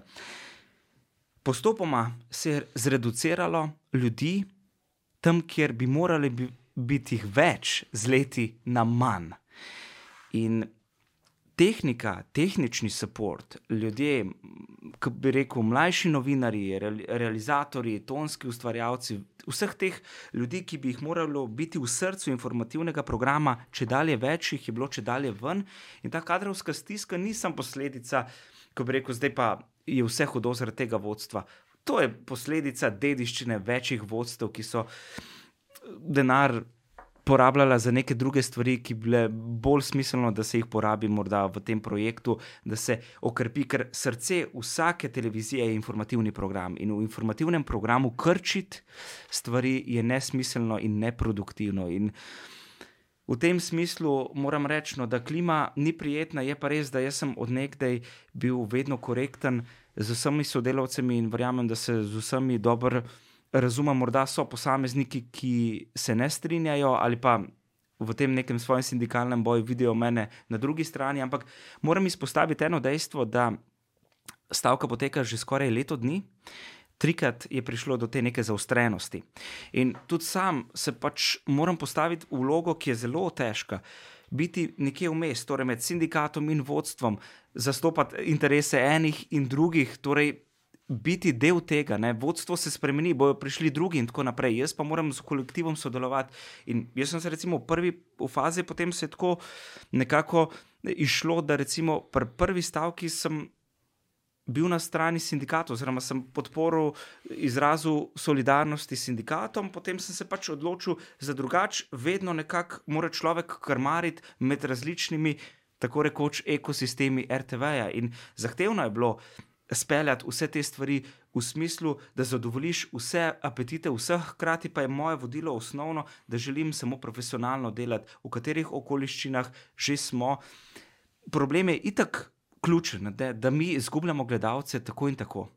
To je problem, ki se ne bo rešil z odstavitvijo tega vodstva, pa tudi enkrat bo pač to vodstvo šlo in bo prišlo drugo, ampak to so resni izzivi, s katerimi se moramo uh, boriti. Zdaj, kar se tiče stavke, pa tako, vedno potem iz te stavke Parcialni interesi so tisti, ki prevladajo. Par tistih treh, morda sindikalnih borcev bo nekaj imelo tega, ostal del kolektiva, pa razen tega, da bo rekel: O, si bil priden, si podprl stvari, pa ne bo imel od tega nič. In meni je žalostno. Imam recimo kolegice, ki so v maski, torej maskerke. V skoraj najnižjem plačnem razredu imamo lučkare, imamo tonske mojstre, snemalce, ljudi, ki so ključni za to, da ta institucija obstane, za njih se nihče ne bori. In ko bi ljudje pri tej stavki zares imeli iskrene namene, da bi izboljšali položaj vseh ustvarjalcev, 2200 ljudi na tej instituciji, potem bi se tudi vnovič jaz vedno odločil za to, da se pač stavka zgodi. Ampak v primeru, da se pa zastopa samo neke interese posameznikov, je pa to težko zastopati, oziroma težko razumeti vse mehanizme v tem delovanju tega. In jaz pričakujem in tudi si želim, da bomo vendarle kdaj tudi ljudje znotraj te institucije znali skupaj stopiti za interese vseh, ne posameznikov in peščice. In zato se mi zdi, da je mal ta zadeva no, v duhu. Jaz razumem, stavko je samo en sindikat od treh. Sindikatov, škoda je, da ne znamo tukaj se pač povezati in znamo poskrbeti drug za drugega, ne pa samo za svojo korist ali pa ne, za svojo rit. In žal mi je, no, da te stvari se ne uredijo tudi na, na tem nekem sistemskem nivoju, da se združijo celotni ustvarjalci javne radio televizije. Ja, je, mislim, je, je čudno to gledati, no, ker po eni strani, recimo od, od novinarja, kot je Vezjak, nekak, ne, on je rekel, da če v taki zadevi, če se ne opredeliš, ne si se opredelil za drugo, za drugo stran. Ja.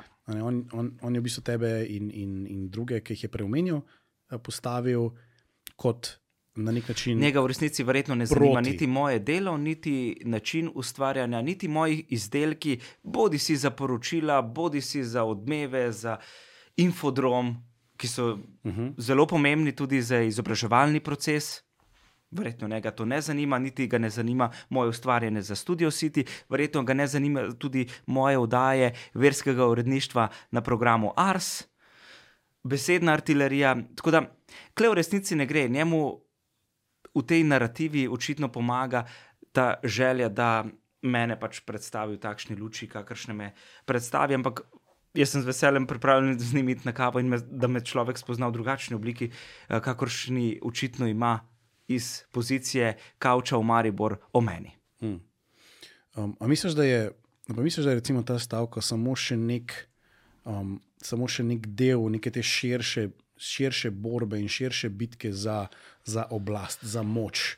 Ker po eni strani ne, RTV je pomemben z vidika tega, da je prisoten v toliko in toliko domovih ljudi in, in, in, in, in je nek filter med surovimi informacijami in potem interpretacijo teh informacij, katere stvari pokažeš, katere ne pokažeš.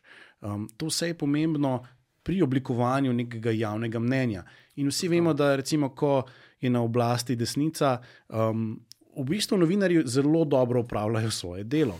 Ko pa se, ko pa se ta, uh, um, kako bi temu rekel, uh, ko pa se ta pozicija moči zavrti nazaj na levo, ne, kot je zdaj z Robertom Golobom, pa poslušamo zgodbe o tem, kako je Urška Klakočar Zopančič posvojila um, neko opico v Afriki.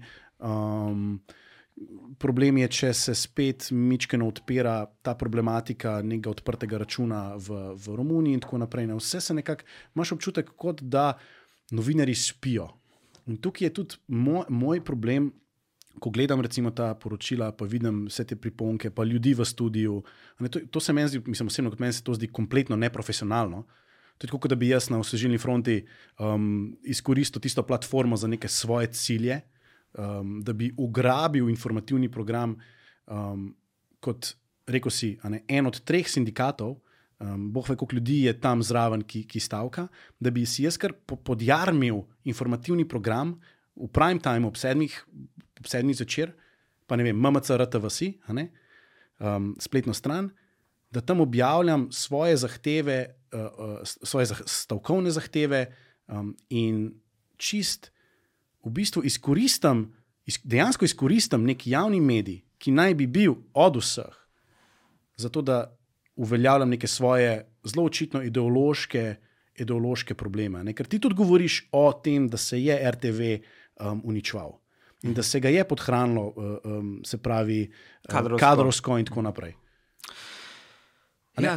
Meni to, zgleda- meni to ne zgleda kot da, da, te, da je tem ljudem mar za RTV. Meni to zgleda kot da te ljudje izgubljajo eno določeno količino moči in neodgovornosti, ki so jo bili navajeni, in jim ni všeč, da pa zdaj je nekdo drug, ki pa lahko ene stvari naredi mičkem bolj po svoje. Ja. Pa ne neprofesionalno, ampak samo z drugega zornega kota. Mhm. Ker lej, vidimo in profesionalne, in neprofesionalne prispevke, eh, eh, tako ko je vodstvo eno ali pa drugo. In ta argument, da, da, da je pa zdaj kvaliteta, pa jaz gledam večerna poročila že nekaj časa, pa se ne morem strinjati, da je kvaliteta res, res padla. Ne morem se strinjati s tem. In se mi zdi bizarno, da, da govorimo o nekih, o nekih eh, padajočih standardih in, in druga leta, novi, eh, drug, drugi letnik novinarstva, novinarstva, prispevkih in tako naprej. Um, tudi zato, ker to nekako od, od, od jemlje stran od tvojih dejansko nekih širših argumentov stavke. In ne vem, meni men osebno je, je to tako bizarno.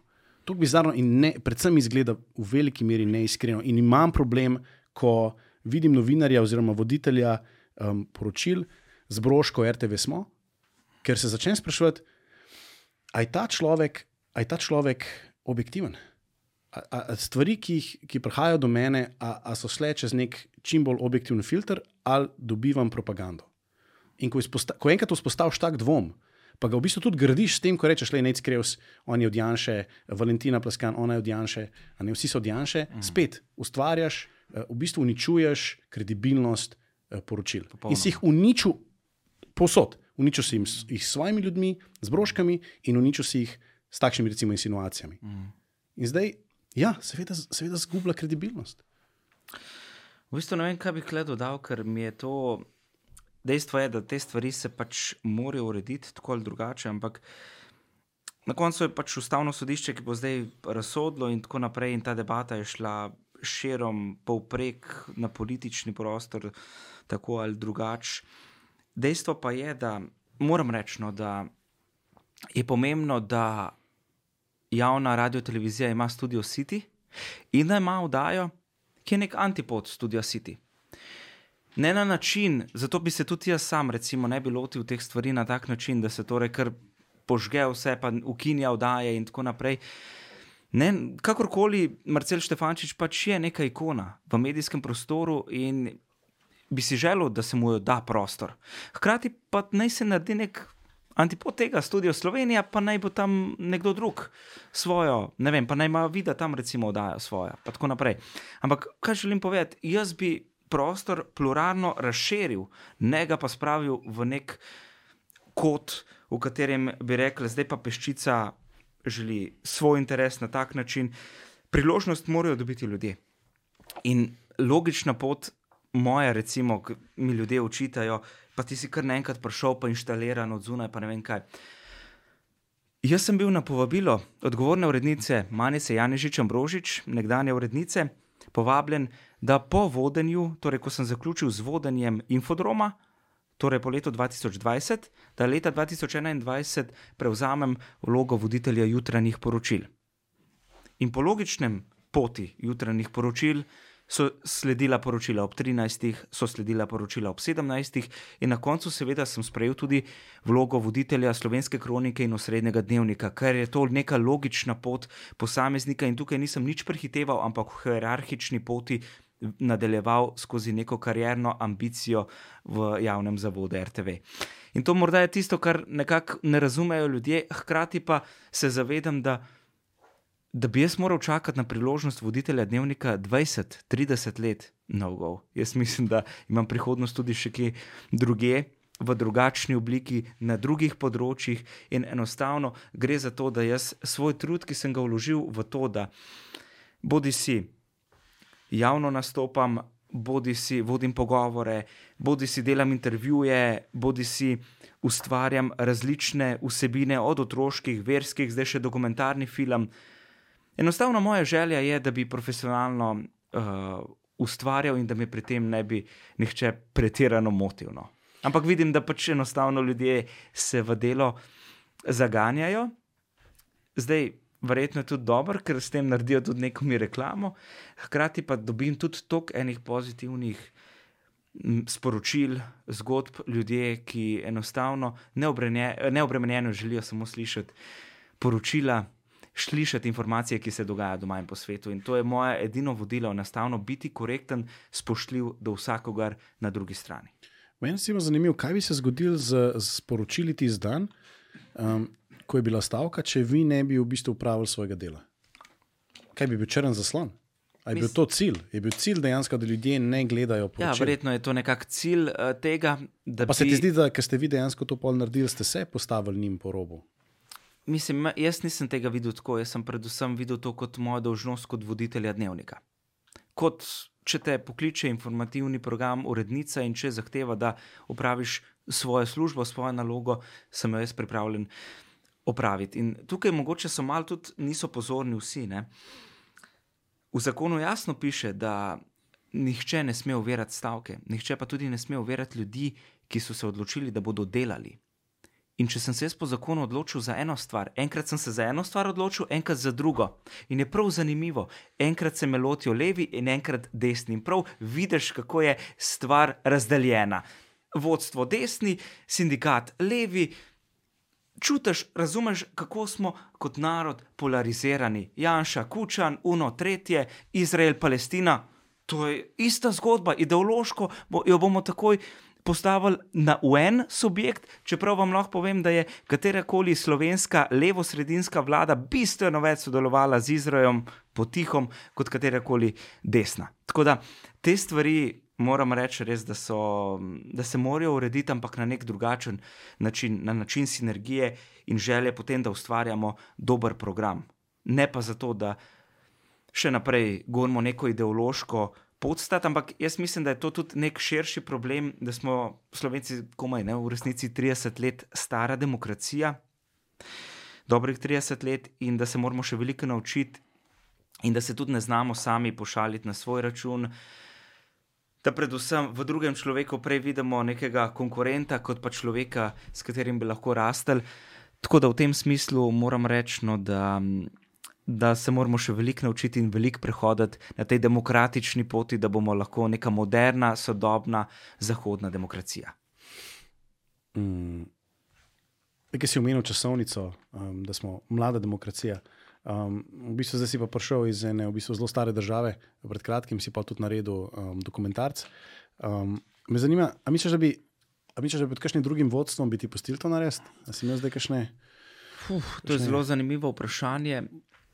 Bombončke, so ti pustili, si, si se nabral kakšne, kako se ti reče, good boy points, eh, da so te poslali. Um, kako, je, kako je prišlo do tega vsega skupaj? Ja, definitivno nekako je tudi odgovorna urednica videla, tudi sam pišem znanstvene članke na to temo. Sam se skušam predvsem od zunaj pozicionirati glede bližnjevzhodnega mirovnega procesa med Izraelci in Palestinci, kot človek, ki to študira, ne kot le teolog, ampak kot tudi novinar in posameznik, ki se tja odpravlja. Ker moj glavni modus operandi je, da če želiš razumeti neko državo, neko regijo, kamor se odpravljaš, moraš to tudi postati. Če greš v Makedonijo, moraš postati Makedonc. Če greš v Izrael, moraš postati Izraelc. Če greš na palestinska ozemlja, moraš postati Palestinec. Ker se tako, ko se uživiš v njihovo vlogo, ko gledaš na svet iz njihove perspektive, probaš lažje tudi razumeti stvari, ki jih obkrožajo, njihove tegobe, s katerimi se srečujejo. Tako da v tem smislu, zdaj, a bi jaz dobil to priložnost ali ne, jaz sem že kot mlajši dežuren štrlev ven in zdaj no, ne želim se, da to izpade kot neka samohvala, ampak že zelo zgodaj so mi skušali določene peruti enostavno porezati. Kako je to izgledalo?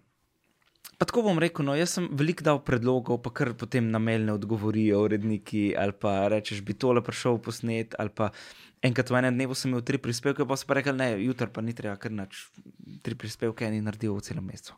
A veš, Mm. take zadeve. Bil sem zagnan, jaz sem imel željo dejansko narediti. Ne vem, enkrat sem računal, sem imel ne vem koliko, 35 prispevkov ali 40 v enem mesecu. A veš, to je poprečno. Ne, Uh, več kot en, dva, skoraj prispevka na, uh Mhm. -huh. na dan. In pa plus še vklopi, javljanje v živo in tako naprej. Vedno me je to zanimalo, vedno sem želel pustiti srce. Dokler sem videl, da vse, kar je bilo, je bilo na koncu neko trpljanje, a vse je v redu, ne, njega lahko pokurimo za vse. Tako kot je v političnem žargonu skuriš človeka. Mm. Ga uporabiš za neko agendo, potem ga pa skuriš, pa rečeš, a zdaj ne pa čaka 20 let, da bo vodil dnevnik. Ne, enostavno, jaz sem jasno izrazil svojo željo, kaj si želim in mislim, da pač tudi odgovorna urednica je trenutno razumela, da se s tem ukvarjam strokovno, znanstveno in mi je dala priložnost, da, da odpotujem v Izrael na stroške javnega zavoda RTV Slovenija. Uh -huh. Ker tukaj zdaj se fulejnih ugiba, na kakšne stroške sem šel, pa gor dol. Je se pa pravi, še en. Te ni plačal, Mossad ni me plačal Mossad, je pa, ah, pa še ena. To je bila boljša zgodba, drugače. Vem, vem, sorry, se vem, zgodba, se vem. Boris si izmisel, kaj. Um, se ne razumejo slovensko. Borisa Vasava moram zdaj, um, kaj bi rekel, malo razočarati, ampak uh, me je pozval, mislim, da me je na Twitterju me je pozval, ne, da moram Tudi, ja. uh, pojasniti, uh, kako sem RTV in Nate Skrivs morata pojasniti izvor financiranja. Sponzo ja, sponzore sponzorirana potovanja Nejca Krevsa v Izraelu. Zdaj moram tako povedati, ne, da, da smo si na jasnem, crystal clear. Jaz sem Izrael lani dvakrat obiskal. Prvič je bilo to skupaj s snemalcem Silvom Plavcem in sicer v času začetka vojne v Ukrajini. Takrat je Izrael v posebni operaciji, tudi predvsem na humanitarnem področju, veliko pomagal Ukrajincem, ker je tudi druga največja evropska skupnost judov v Ukrajini živi, tako da ne, neka pomoč tudi uh mhm, -huh. svojim in uh mhm. -huh. tudi omogočili so azil, da katerikoli Ukrajince lahko preselil v v Izrael, po vojni pa se potem pač lahko vrne nazaj v Ukrajino. Zdaj, jaz sem šel takrat Israeli Press Association, lahko tudi pogledamo na, na računalniku. Gre za uh, organizacijo, ki nudi evropskim novinarjem, Israel Press Association. Uh, organizacija, ki torej nudi evropskim novinarjem. Takrat so bili povabljeni novinari iz ORF-a, bili so povabljeni novinari iz BBC-ja, pa iz RAI, skratka iz različnih nacionalnih radio-televizij, uh mhm. -huh. da obiščemo Izrael. Zdaj oni so rekli, zdaj ne vem, če je to ta stran. Ja, ampak mislim, da je bolj akademski vidik. Imajo za akademske izmenjave, imajo novinarske foreign, foreign izmenjave zdaj različne, ampak zdaj ne vem, ali je to del, mislim, da je to. Non-profit. Možno, da je non-profit organizacija. Skratka, zdaj moramo najti, da niso to neke Mossadove ljudi. Ja, ja, evo, EPA, EPA, tole, čakaj, EPA, European Press Association. Ja, Europe, ja, ja, ja. To, to, to, to, to. to. Uh, ok. um, so čudne strani. To, to, to, to. to. Evo, tle je, spletna stran. Aha, evo. Skoda. Your connection is not private. God damn, Mossad.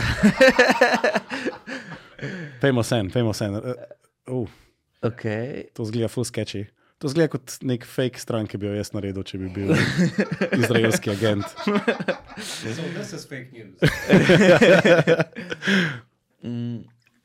No, skratka, oni so nam Welcome, poslali okay. na izmenjavo. In mi smo ja. takrat obiskali praktično Izrael od Golanskega višavja na severu okupiranega Golavskega vošavja, mm -hmm. Boris Vasev, mm -hmm. do juga, do Elata.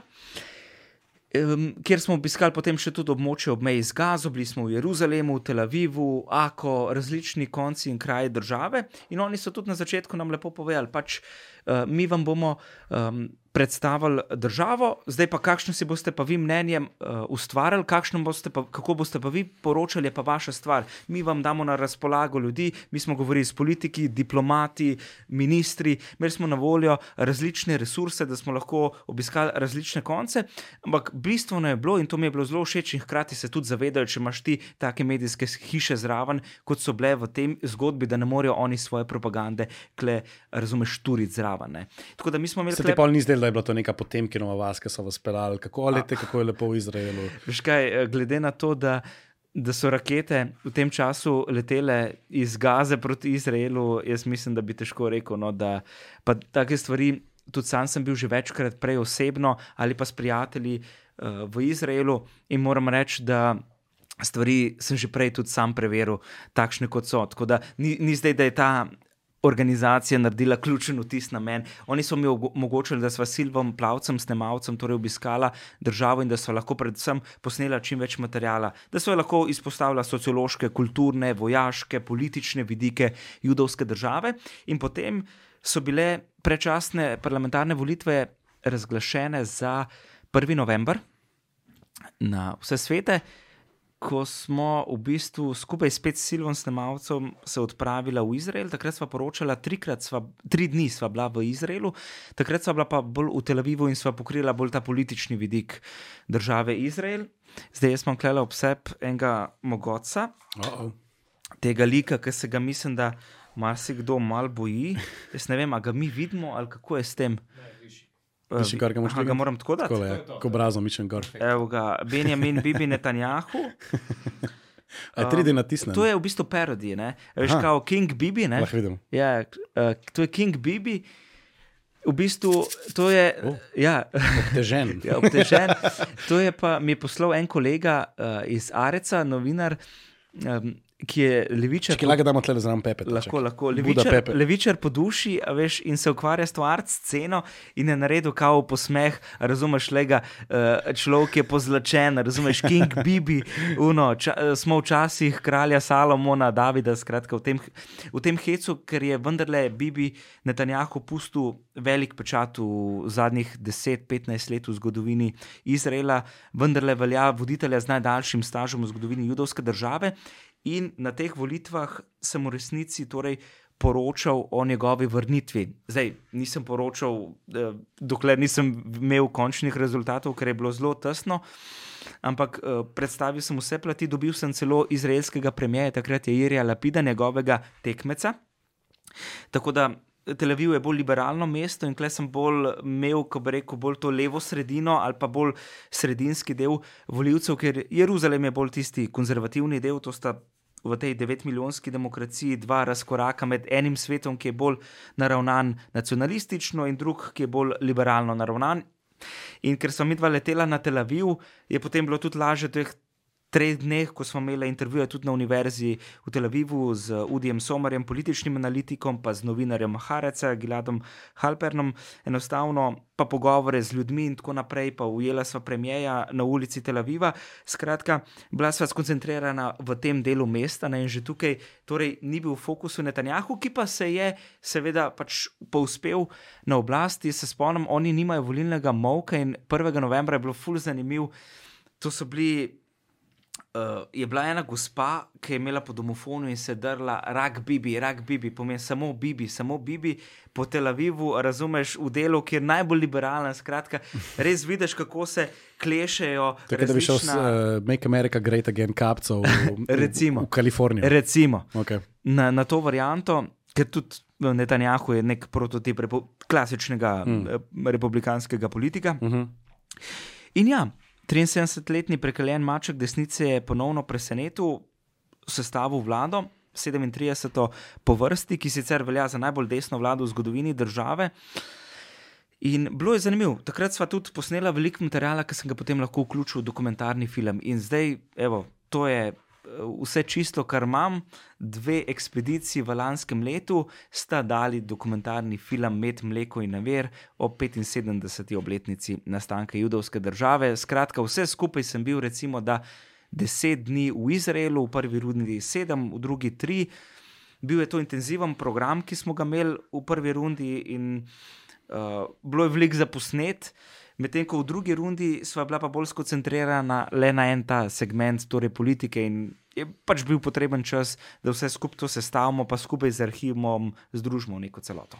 Se pravi, ni, ni na kakšen um, črni račun iz Romunije prišel, ne, kakšen denar ne, iz kakšnega podjetja, ki dela begle ali kaj takega. ali pa kak košar vino. Ja, ja, ja, recimo, to, to, to slišiš dobro. Um, ja, mislim, meni se je zdelo, mm, hvala, ker si mi povabil takrat na premiero. Um, Napolnili smo dvorano. Po, pa sem videl, da se hval.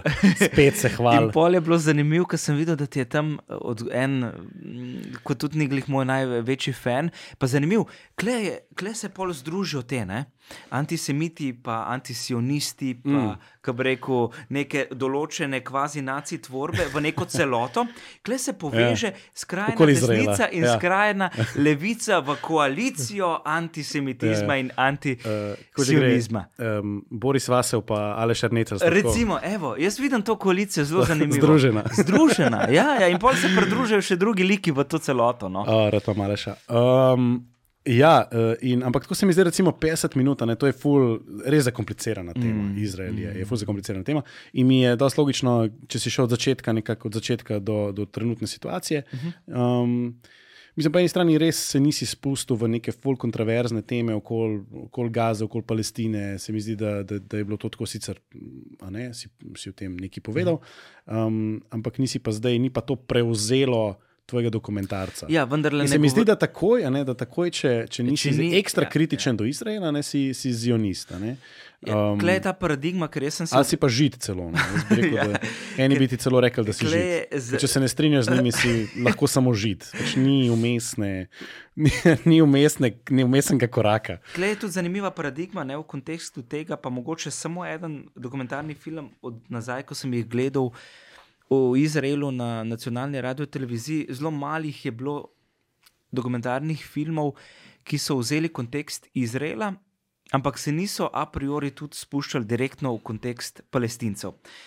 Zaradi tega, ker je v Sloveniji znana ta paradigma, da če govoriš o Izraelu, moraš vedno govoriti v kontekstu palestincev. Ja. Drugače ne gre, mm. ni šanse. In Izraelcem sploh ne damo priložnosti, da bi nju, njihovo demokracijo sploh nekako razumeli ali pa jo poskušali razumeti, ker vendarle to so ljudje, ki so prišli iz 150 različnih držav in danes tvorijo 9 milijonsko edino demokracijo na Bližnjem vzhodu. So prišli v to regijo, v to pokrajino, v deželo, ki, jo, ki je bila a priori sovražna proti njim. Tako je že vojna za neodvisnost je pokazala, da je pet uh -huh. arabskih držav šlo napad proti njimi. In tukaj je ta problem, ker enostavno Izraelcem nismo v nobenem kontekstu dali priložnost. Jaz sem rekel, gremo zdaj kibuce predstaviti, gremo predstaviti to socialistično idejo uh -huh. Izraela. Izrael uh -huh. je bil prvih 30 let socialistična država. Ja, kibuci so bili um, v bistvu skoraj Delavska- komunistični. Ja, Dejansko, eh, dejansko si imel delovsko uh, Ja, komuno. To je Ja, res. so delovske komune. Ja. Pa imaš pa še mošave, to je pa še ena, kako rekel, verzija tega. No. Mm. Skratka, jaz sem tudi te družbene eh, aspekte tega zajel, da imaš tam, ne vem, imaš ti eh, falaška skupnost, to 120 tisoč dejansko temnopoltih judov, ki so prišli iz Etiopije, o katerih bi človek rekel, čakaj, kva? Uh -huh. Judje iz Etiopije, kva? A razumeš? In ker smo že pri Mosadu, um, v bistvu je bila ful dobra zgodba o tem, kako, um, ker en od, eh, kako bi temu rekel, en od nalog Mosada je tudi, da pomaga um, Skupnostnim po svetu. Tako. a ne. Terorizem, tako. Um, in tudi, uh, se pravi, izraelskim, ne, pardon, judovskim beguncem. Uh -huh. In to, to, kar si razlagal, Etiopija, recimo, Ja. ogromno, te, ogromno te skupnosti je takrat šlo iz Etiopije v Sudan, kjer so takrat tako ostali. v- operacija Salomon, mislim, da je bila. Ne točno, kako se imenuje, ampak Ja, ja, ja, Netflix je naredil en film, ki se imenuje. Red Sea Resort. Ja, Ker so hotel fejkali. Fejka so cel fucking hotel. Ja, to so, mislim, da počeli en let ali koliko cajt ali ja, celo en- več. Deset mesecev ali nekaj In to, takega. kar so stovrnjaki do hotela, vmes so bili kao turisti tam. in Noro je bilo. Pač Mossad je odprl v Ja, hotel. Ne, ne v Sudanu, kje je točno? Uh, ob ob, ob uh, morju. Ja, zdaj pa ne vem, točno ali Uganda ali je. Um, Skratka, nekje- odprli so, odprli so hotel, naredili uh -huh. so hotel, uh, kjer so dejansko ljudi, ljudem so dali polni, kako se temu že reče, polni. Uh, uh, Full time, uh, all, all inclusive. All inclusive. Imel si zajtrk, imel si kosilo, spal si tam, Ja. ja. uh, bazeni glih- so bili. Če smo glih pijači, a mi dva lahko odpreva. Uh, Nekaj osvežilnega. Čakaj, ja, dej. Um, Veš kaj, Kaj pa, si že prinesel? Jaz bom naredil, Pivo, ne? se, evo, se mi da lahko 5 sekund pauzo narediva, zaradi tega, ker jaz, uh, jaz mal tale všeska, mal, Mal- mal mal spočijem. A, te, a eh, tebe, zluftaš. kaj, a tebe nič ne A Nikita. tole orang. Um, veš, to ste Ne, vi, mi tle Ja, veš kaj, jaz sem jaz, imam- navajeni jaz radijske tenzij. delam pol ure, razumeš, in dam šestka dol, pa je ne. Ja, noč, uh, čeha bova, ne? Staro pramen. Uh, jaz sem full agnostik, kar se tiče piva. Okay. I don't care. Tako da um, nisem. kaj, jaz sem prav Sploh nekaj, ne vem, kaj pijem. nekaj barvnega sem vzel, zdaj ne vem, kako razgleda granat, Staropramen a to mislim, že granat. z granatnim jabolkom. Lega, enkrat, dvakrat gre v Izrael, pa je že militarno. Lahajm. Lahajm, na zdravje. Čeprav na veliki petek se to spodobi. Da bo Alen Koman jezen na me. Mm. Je to temno pivo? Ja, piše, da je neka semi varianta med temnim in Škoda, samo to neš na roko, sem si ga hotel zliti. Fucking geni. Dober je, fin je, po mojem je neko temno pivo. Hvala.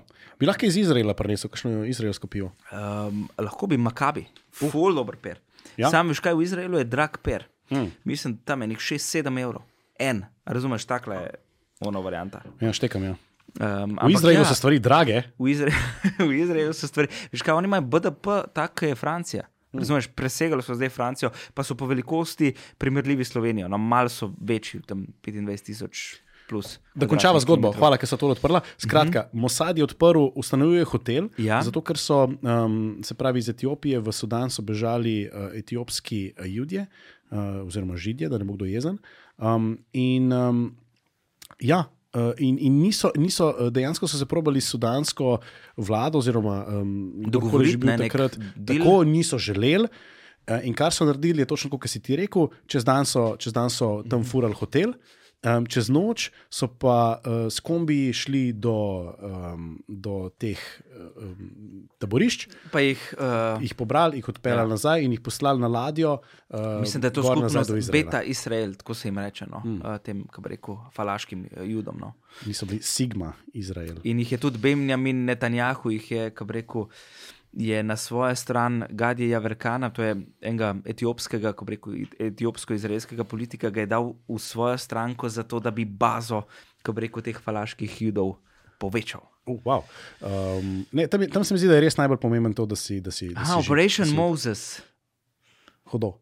In eh, pazi to, veš kako Ja, so ja, jih skoraj beta. skor, skor, skor so jih razkrinkali, um, uh -huh. ker je en tuj, um, en tuj, mislim, da je do, vem, do šefa hotela ali um, do vem, do koga je pristopil en tujec tam in je rekel, vi niste evropejci. Sam, sam žide sem videl, da tako lepo narežejo neko, neko specifično solato.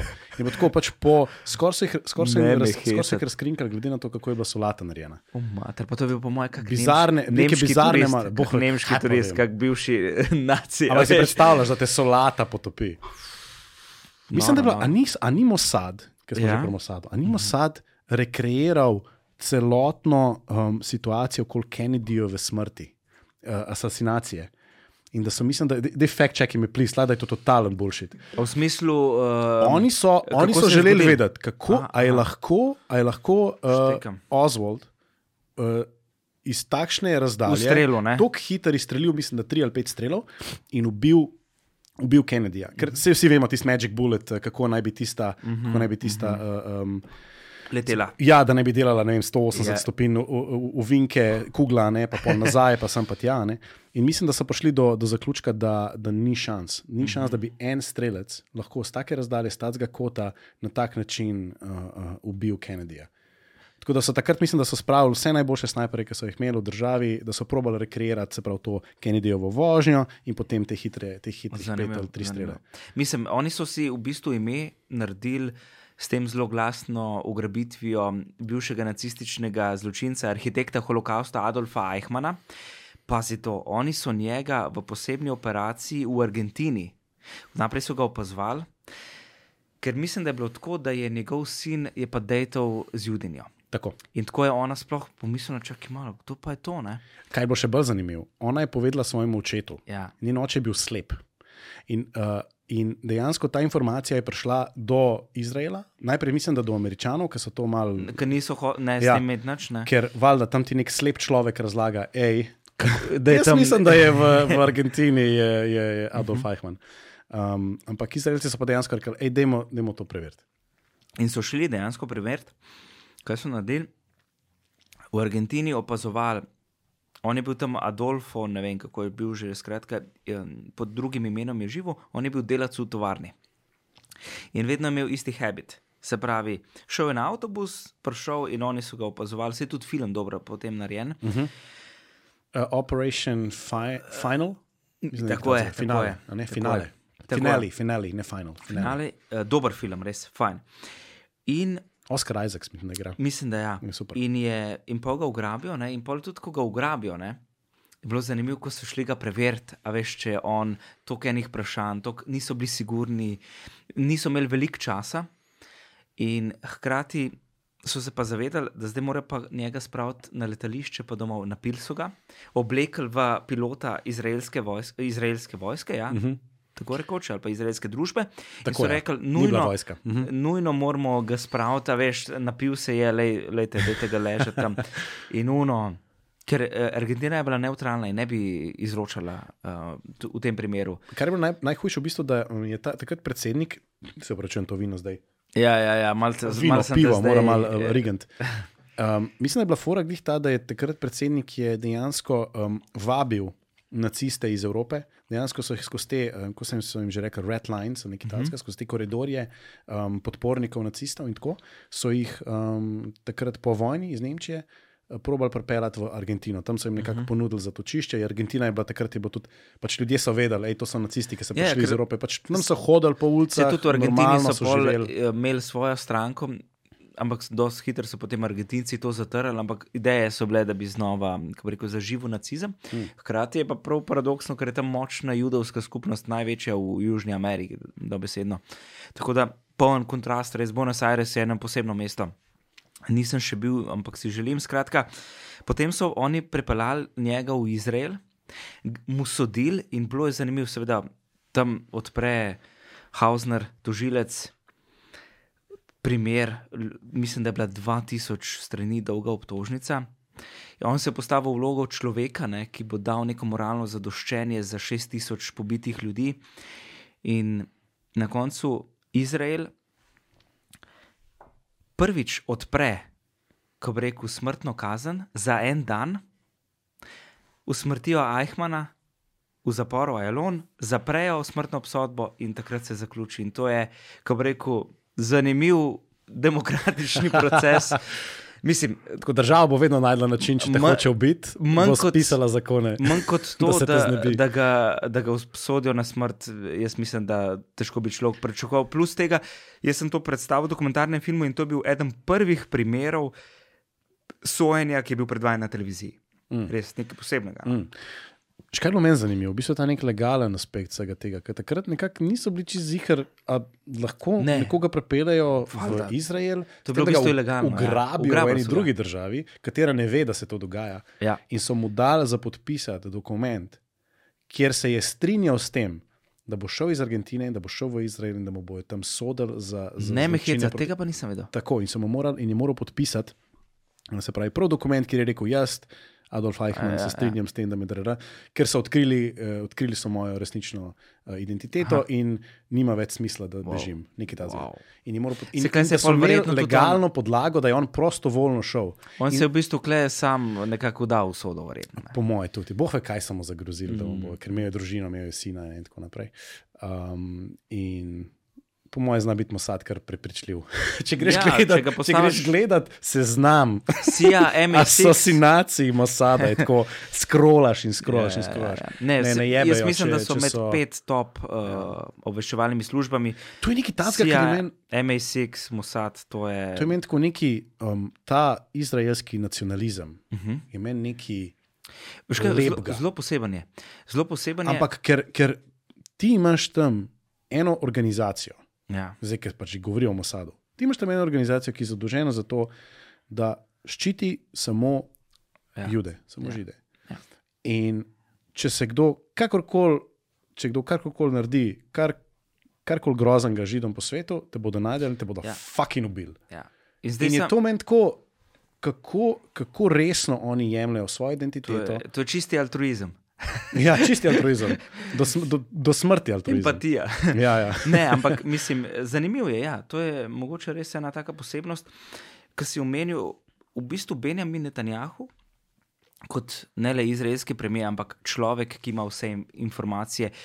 Tudi znotraj imaš obveščevalno službo Šimbet, Uh -huh. Šebek, ji pravijo v hebrejščini. Ta skrbi za eh, notranje afere, v bistvu zadeve, ki se dogajajo znotraj na območju Izraela in pa seveda tudi FBI. NPU, njihov NPU. Njihov NPU. In moram reči, da to je res noro. Ne? Benjamin Netanjahu razume, v bistvu, da je nacionalna varnost esenčnega pomena za obstoj države Izrael. In razume, da razcvet gospodarstva na eni strani in razcvet vojaške sile ob pomoči Američanov, razumemo, je ključen za to, da bo Izrael v tem nekem duhu resilienca ostal. Ne? Oni imajo vedno nek ta občutek, vedno je malo negotovosti, mi se fajtamo, a veš. In uh -huh. jaz sem v resnici v odnosu do judovske države tudi razvil nek odnos do lastne države, do Slovenije. V bistvu me je Izrael naučil spoštovati, ceniti in negovati odnos do Slovenije, Nacist. ki ga roko na srce. Fucking naci. Ja, ja, ja. Drznaš ljubiti svoj narod. Ja, ja, to je to. to, je to, to, je to. Joj, sorry, sem se spomnil. Veš, kaj to je grozno, da človek, ki sem rojen leta 95, 29. novembra na dan Jugoslavije, takrat je bil Frejdan. Um, Kdaj ni bil Frejdan ja, v Jugoslaviji, ne Skrevs? okay, ampak eh, kaj hočem reči? No, um, da. Zdaj sem pa zgubil nit, no. zdaj smo pa čisto uničili. S nacijem. To se mi pa še ni zgodilo. Probi se spomniti, kaj sem um, to reči. Uh, Panoptikom je bila, mis, je bila, ne, kako je že bila ta eh, nova vdaja na, na RTV-ju isto? Panoptikom bi znala biti. A ni bilo nekaj tazga, se imenuje, tako prva epizoda je bila, ker so se dejansko ukvarjali z um, te vprašanjem. Te bombone bo se pojedlo. Stari, to sam ti rasturi. Um, so se ukvarjali nekako eh, z vprašanjem svobode govora, uh mhm. -huh. in je um, tam ena izmed um, strokovnjakin o svobodi govora, oziroma o sovražnem govoru, govorila, da m, taka pravila okoli govoru preprečujejo um, problematične tematike, kot so ekstremni, ekstremni, uh, ekstremna desnica in nacionalizem, in tako naprej. In sem bil tako, več nacionalizem, to je še vedno psovka.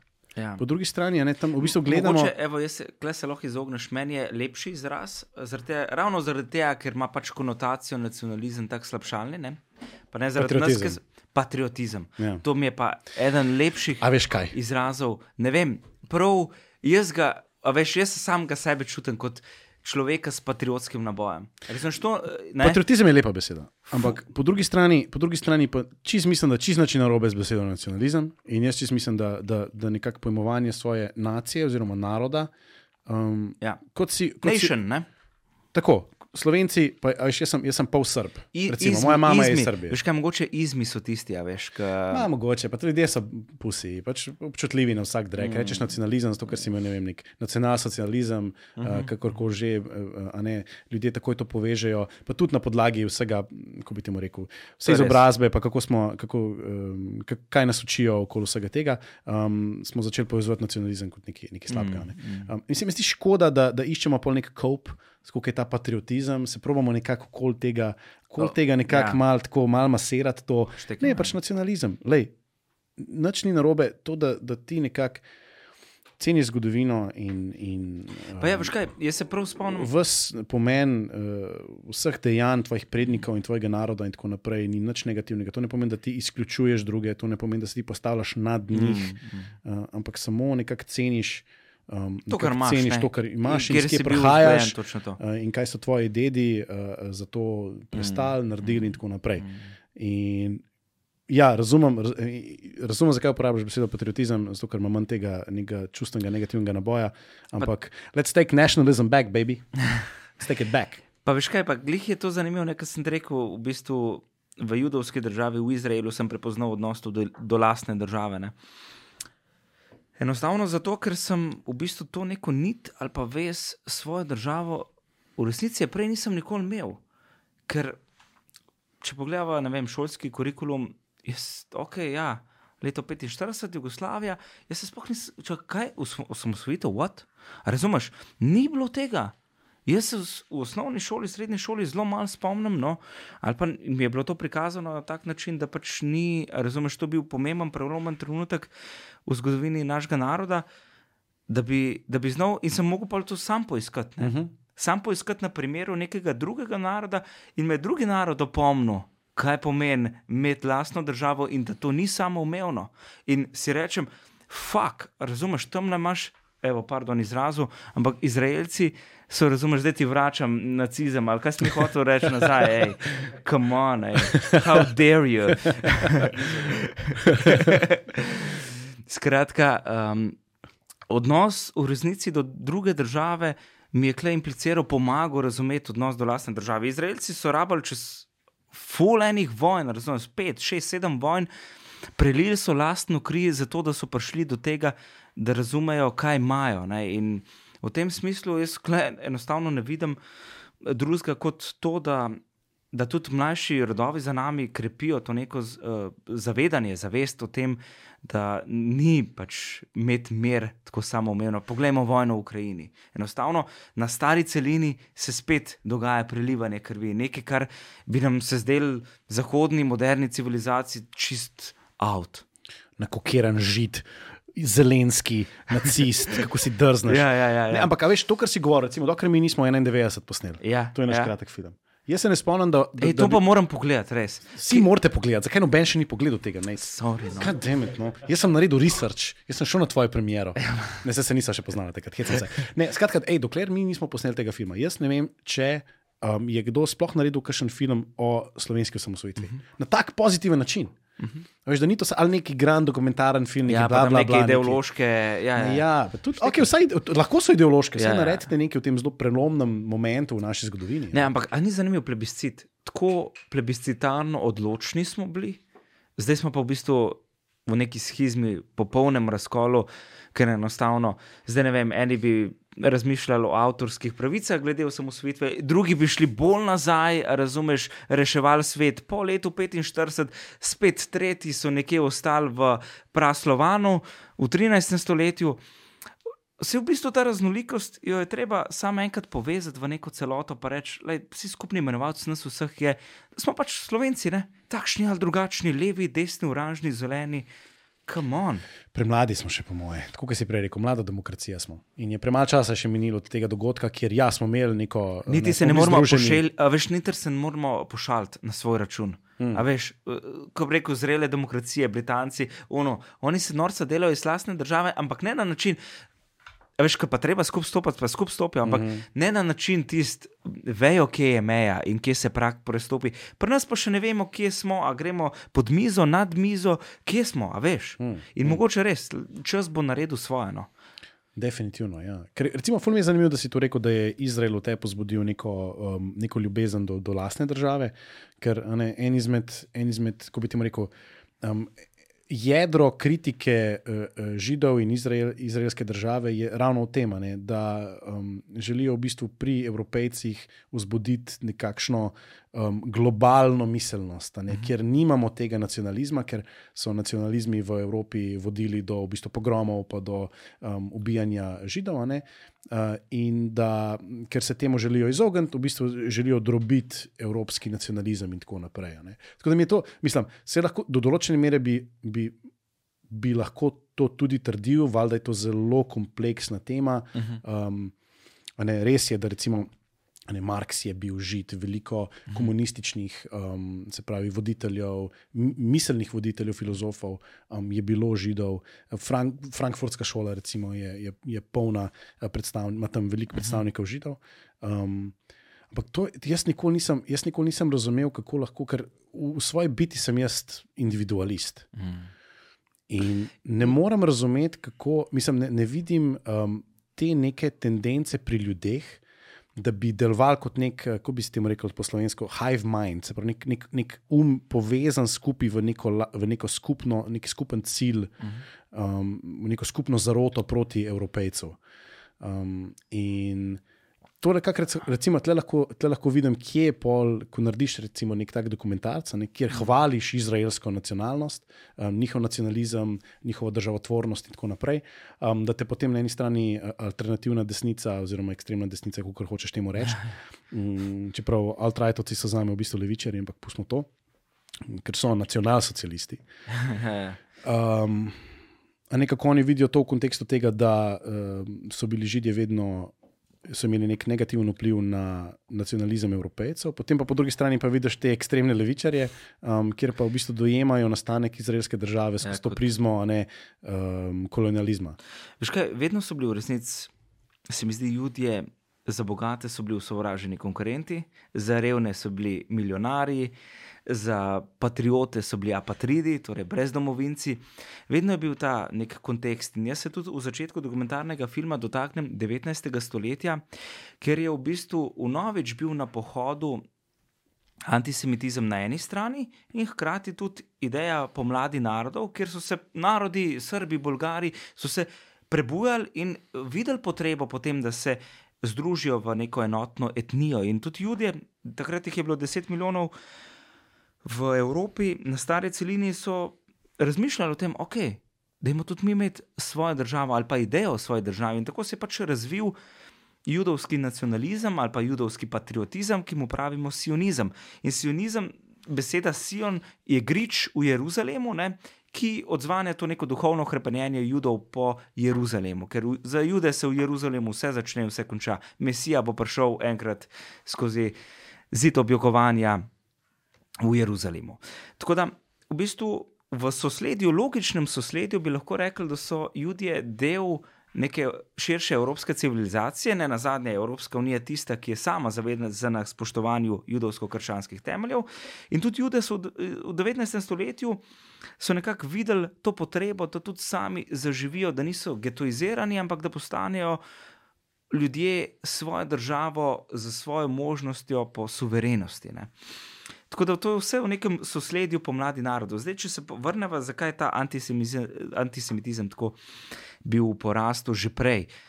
Katoliška crkva, recimo kristijanom v srednjem veku, ni dopuščala, da bi se ukvarjali z monetarno politiko, z bančništvom, kar pomeni, da enostavno te stvari so se prenesle potem na jude. Ne? Papeži, škofje so delali dele v resnici z ljudmi. Mm. Medtem ko potem narod, navaden, pa enostavno se s tem ni smel ukvarjati. In potem imaš take ideje, da bi. Se prepoved nekakšnega um, posojanja denarja z obrestmi. Tako je, je, tako. je, nek, je nek, neka vrednota v krščanstvu. Je pa res, ne, da se je tega poslužvala ne, eh, katoliška crkva na drugačne načine, mm. ampak to je druga tema. Eh, tako da, klej bi lahko rekel, ne, da je tudi krščanstvo je na nek način v prvi vrsti veja judovstva. Ne. Naprej se je razvila kot skupnost, tako kot so bile različne denominacije znotraj judovstva, je bilo tudi Jezus je bil sam jud. In kot jud je živel in obhajal judovske praznike, potem se je iz tega razvila ideja judovstva. Tako da v tem smislu. Krščanstva, misliš? Krščanstva, se upravičujem. Tako da v tem smislu so bili potem ljudje neki, kako reko, glavni krivci za, za, za vse. Za izgubo v vojni, recimo v prvi svetovni vojni, Nemci, za, zato ker jim je dobro šlo, ker so se pač ukvarjali z bančništvom, z denarjem in tako naprej. Hkrati so pa oni v tem antisemitizmu čutili potrebo, da se sami povezujejo med sabo. Recimo, pardon, primer Rothschilda. Njihova družina se je že od 17. stoletja, 18. razvijala svoj monopol, London, Hamburg, razumeš, Švica, različni konci, Rim in tako naprej, različni konci Evrope in povezali so se, čutili so, da v skupnosti bodo lahko preživeli, resilience. In preživijo lahko na način, ko je spet v 19. stoletju spet eskalirala antisemitizem, bil je recimo Dreyfus, generalštabni štotnik v francoski vojski, bil obsojen, izdaje in tako naprej. Spet se je prebudil ta antisemitizem in enostavno so pač ljudje razumeli, da potrebujejo idejo sionizma, nacionalnega gibanja, da ustvarjajo svojo državo. In bile so različne ideje od začetka. Od tam ene deli Kalifornije do Argentine, ene deli uh mhm. -huh. do Ugande, do Madagaskarja. Madagaskarja, različne ideje so bile, kje naj bi ta država nastala, in logično, kot duhovna, uh, ko bi rekel, predhodnica judovske tradicije, zgodovine in vere, je bila takratna Palestina, nekoč smo jo rekli Judeja. Najbolj logičen, najbolj sinonim za to, kjer bi ljudje ustvarili svojo državo. In to se potem usuval, Belforeva deklaracija po prvi svetovni vojni, potem se začne val priseljevanja. In sproti se potem tudi, seveda, začenja neka napetost med Arabci in Palestinci, eh, nekako prepir, vseh prepirov, ki še vedno traja. Ja. Um, ena knjiga, po mojem, ki bi ti bila zelo všeč, je, se imenuje Human Smoke. Um, ne vem, kako je avtor, bo Nikita pogledal na hiter. Um, uh -huh. Ampak je v bistvu, v bistvu je fuz zanimiva, ker um, povzema dogodke uh, pred drugo svetovno vojno uh -huh. skozi en tak zelo neutralen jezik. Okay. Um, kjer samo opiše stvari, ki so se zgodile, brez nekega editorializiranja uh, in tako naprej. Um, in v bistvu vidiš, kako vse prisoten je bil takrat uh, um, antisemitizem. Mislim, da je mm -hmm. od um, je bila Ellen, Eleanor Roosevelt, upam, da ne bom zdaj ji delal uh, krivice, um, uh, se pravi, žena takratnega, takratnega predsednika. Mhm. Uh, eno, njeno pismo opisuje svoji prijateljici, kako se je pritoževala, da mora iti na, na, na eno zabavo. Um, Ja. In je na koncu v bistvu zaključila, zakaj je ne rekla, mostly Jews. Ne, in je bilo to, je bilo, prav videl si, v bistvu, kako počasi, kot neka žaba v, v vodi, ki počasi vre, a ne, kako, se je ta, kako, se je ta, kako je vse kulminiralo na koncu v tem konfliktu, ki, je- ki je bila druga svetovna vojna, in kako, um, kako normalizirano je bilo, neka, kako no- normaliziran je bil ta antisemitizem.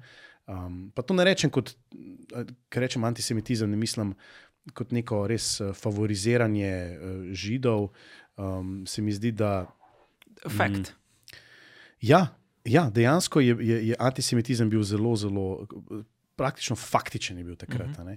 um, in lahko nekako vidiš, kako je nek ta othering neke skupine, ne, ki je tvoj outgroup, Ja. Um, kako lahko pripelje do nekih uh, um, groznih zaključkov. Ne? In tudi vidiš, recimo, lahko to lahko narediš, lahko narediš um, na, na današnjo situacijo v Sloveniji neko paralelo.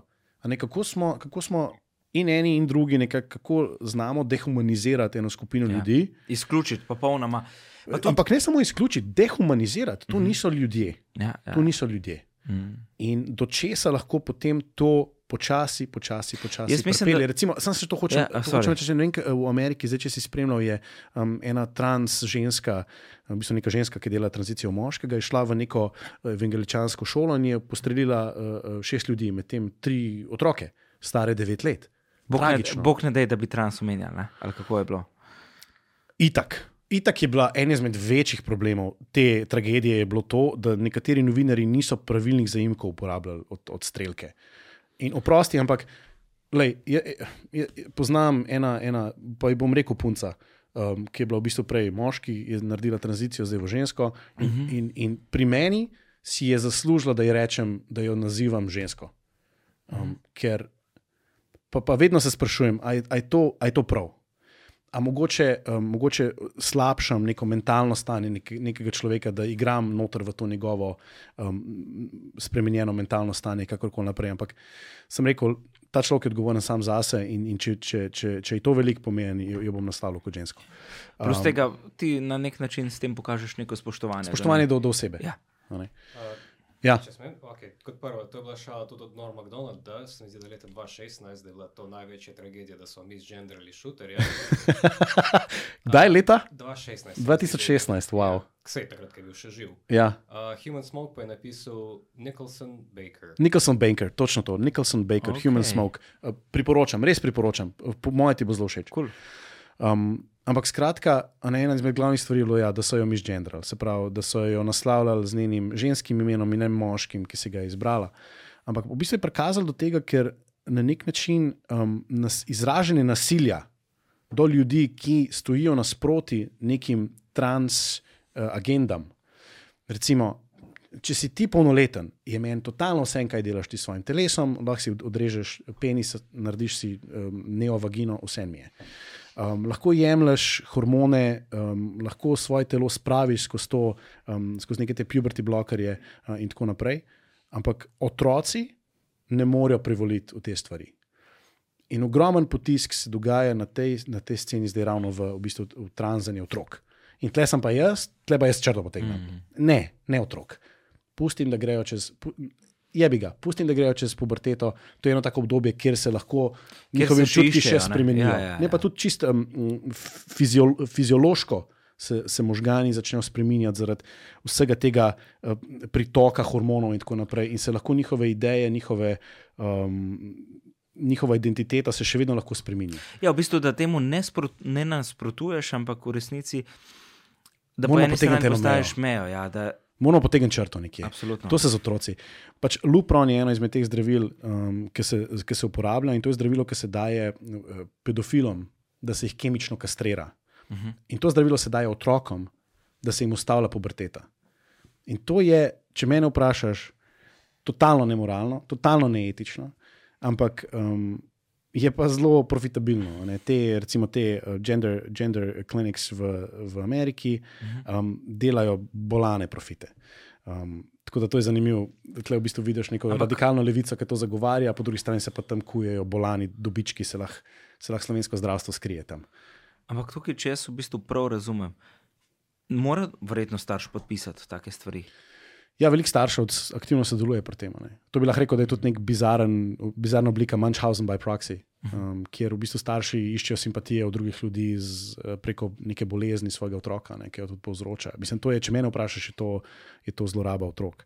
Um, ampak, um, če, če se navežem samo nazaj na to dehumanizacijo, ne, veliko kol, veliko kol teh, te, tega pushbacka okoli tranzanja otrok. Uh mhm. -huh. Ne, zdaj te eh, organizacije jemljajo, oziroma te aktivistične organizacije, ker mislim, da večina trans ljudi še vedno noče imeti opravka s tem, želi biti samo to, kar je, in, in, ja, in ja. hoče imeti mir, in sam hoče svoje življenje pogruntati. Um, v bistvu velik je, kot je uh, Nika uh, Kovač reče, fajtajmo naprej. Fajtamo naprej. Ta, ta um, prizvok nasilja, uh -huh. fajt. Um, in tam je dovoljeno v bistvu pozivati k nasilju. Ne, oni nas želijo mrtve, oni nam ne pustijo, da spremenimo svoj spol, oni nas želijo mrtve. In kaj bomo naredili, fajtali bomo nazaj. In če me vprašaš, je to en izmed, en izmed pojavov, ki se, se, se zgodi, je točno ta napad na tisto šolo, kjer je ena trans oseba, ker ti se bila katoliška, oziroma ne katoliška, um, evangeličanska šola, krščanska šola. Aha. In ona je bila tam ona je tam hodila, ona je tja hodila. In nek naravni odpor do tega čutila. Jaz mislim, da, da so jo tam, ali so, jo, ali so pač njeno identiteto pač niso priznavali, so, mhm. so ji govorili, da nekaj ni v redu z njo. Skratka, verjetno je doživela tudi ona neko zlorabo strani ljudi mhm, tam, ne, kar je žalostno. Ampak ne moramo pa spodbujati uh, to na ta način, da pozivamo k nasilju, um, če se te, če se te, um, kako bi ti rekel, če se te. To tranziranje otrok um, nekako ne, um, ne, ne, ne posti. Ne? In to je to, trans rights or else. Tukaj imamo eno sliko, ker je, ker je v bistvu majica, ker je dizajn gor, so puške. Trans rights in potem pet pušk, uh, or else. In to, to pozivanje k nasilju v bistvu lahko vodi uh, do, do takih bizarnih situacij, mm. ne, ker si ti pripravljen pobiti neznane količine ljudi, da bi dosegel nek svoj cilj, ki ga doživljaš kot um, pravičnega. Oni me ne pustijo živeti, jaz ne bom jim pustil živeti. In ta knjiga je fantastična, ker, ker kaže ta počasen, počasen potisk k temu. Kako je, kako je vse eskaliralo, kako so vedeli, kaj, um, kaj nacisti pripravljajo, kakšne ideje imajo. Um, ampak noben je nič tega naredil, ker ali ni verjel, ali pa so sami pri sebi ja. ja, seb gojili nek antisemitizem in teh ljudi sploh niso smatrali kot ljudi. Um, in... Ja, se, prvotno je bila, mislim, da je ideja ravno v Pragi da naj bi v bistvu, ko bi iztrebili zadnjega juda, naredili muzej, judovski mm. muzej. Ampak ljudje pozabljajo, seveda, ljudje so bili. Naslednji muzej bi bil muzej Slovanov, mm -hmm. pa še koga drugega in tako mm -hmm. naprej. Skratka, ta ideja nadrase. Pozabljajo ljudje, da v resnici bi se eskalirala na vseh področjih. Ogromno Slovanov je umrlo v teh ja. koncentracijskih taboriščih. Mm. Uh, in mi je zanimivo, ko govorimo o holokaustu, bi bilo tudi meni fajn, da, da, da Ne? Ne, predsednica države ne pride ven in reče nikoli več v kontekstu samo uh, judov, ampak tudi v kontekstu slovanov, ker mi smo bili tam tudi targetirani, tudi tretirani kot manj vredni, kot, kot uh, paraziti, uh, ki jih je bilo treba se losati in iztrebati. Pa mislim, da je zdaj, če se ne motim, je državni zbor sprejel tole glede holodomora. Mm. Nisem pa sicer, ali je sprejel ali je bila kakšna resolucija, mislim, da sem zaznal nekaj glede tega. Skratka, mislim, da je bil to poziv Ukrajine glede množičnega v bistvu stradanja ljudi v Ukrajini pred drugo svetovno vojno. Tako da še ena taka stvar, ki se mi zdi, da je pomembna, da se jo spomni. Ja, in, in, in, je, in, in z tega vidika je za me nacionalizem mm. nekaj pozitivnega, ker se spomnimo, ker se spomnimo na naše nacionalne primere, tako na primere, kjer je bila naša nacionalnost tarča. Ogrožena, tako je, razumem.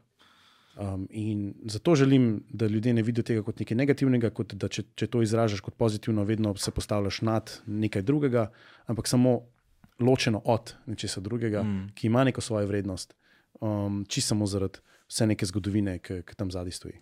Absolutno. No.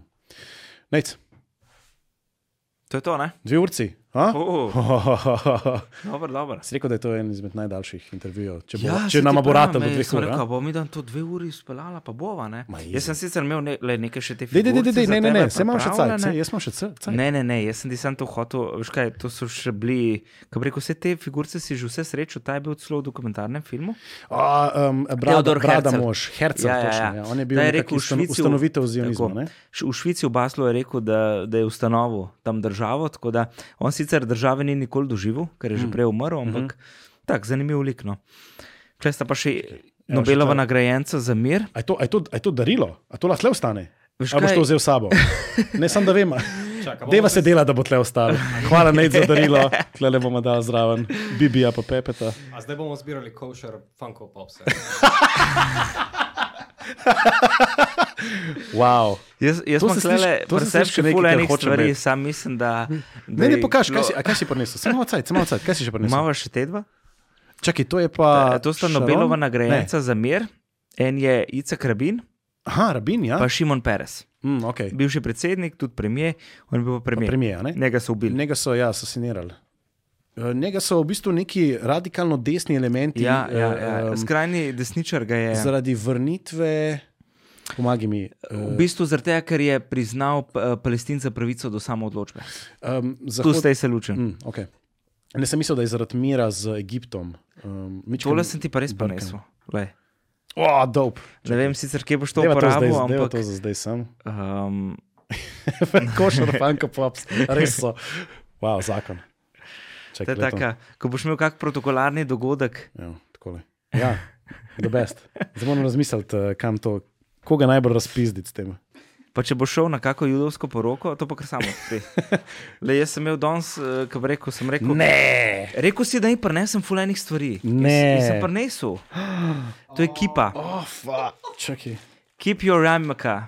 Končno imamo nekaj za pet. It's O time moj for. Faneha. A smo, a smo breakali internet, še profil z, z mojim Dobro nosom. zgleda, dobro ti paše. A? Cool, ne? Čakaj, ampak lahko to dam čez. In, to, Ja. ja. A sem, a sem, Ja, ostalo? ni iz Jeruzalema, je pa iz New Yorka. No. To mora biti neka vrsta, to mora biti neka vrsta um, herezije, da dam to gor na veliki petek. Ja, Oh, v bistvu, veš kaj simbolizira, v resnici to simbolizira judom, no, ko jo dajo gor, da je Bog nad njimi. Se pravi, okay. da je človek tako minljiv, Ja. da je nekaj nad njim. Tako da, a Moram pogledati, če še kaj noter. noter. Ja, ne vem. I love a good deal, veš. Ne moram. Ja, no. Se zdaj noter. mislim, da vsi vejo, da figurce bom jaz pobral. No. Ker tu pa tako presenečen. Lej, tole bo tle ostalo, to je dobro. Uh, Nec, najlepša ti hvala. Ej, hvala, ker si prišel na, na obisk. Dober pogovor je bil. absolutno. Všeč mi je bilo, hvala. Ej. Uh, hvala, da si, um, da si se odprl malo, no, glede enih stvari, ki so, ki so tako, um, kjer bi človek pričakoval, da boš definitivno vstal. Um, pa se si, saj si vstal na nek način zelo neutralen, ampak um, se mi zdi, da cenim tvoje mnenje, sploh glede dogajanja zdaj na RTV-ju, pa um, vsega tam, no, ker nam nekako zunaj to opazujemo. Um, mal, ta nekako rabiš občutek neke empatije, kaj se znotraj dogaja. Hiše, mm. je, je boljš, kot samo neko jezo, tam jezo pred vrati na teh dogodkih, kjer se ljudje derajo mikrofon, um, ljudi zmerjajo in tako naprej. Je mogoče fajn slišati neko umirjeno mnenje še, še z druge strani. Um, Nač, pridite uh, k malu nazaj, no? Najprej pa prenes še kaj, všeč mi je. Greš v Izrael, se spomnim spet name, pa pričakujem še kakšen Košar pivo. košar fanko, pa, pa pivo, ja, da best. Thanks, Nate. Čau.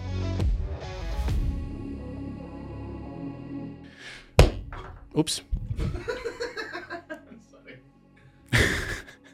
Okay, uh, to je bilo to, uh, z nami je bil Nate Skrevs, upam, da ste uživali v tem pogovoru.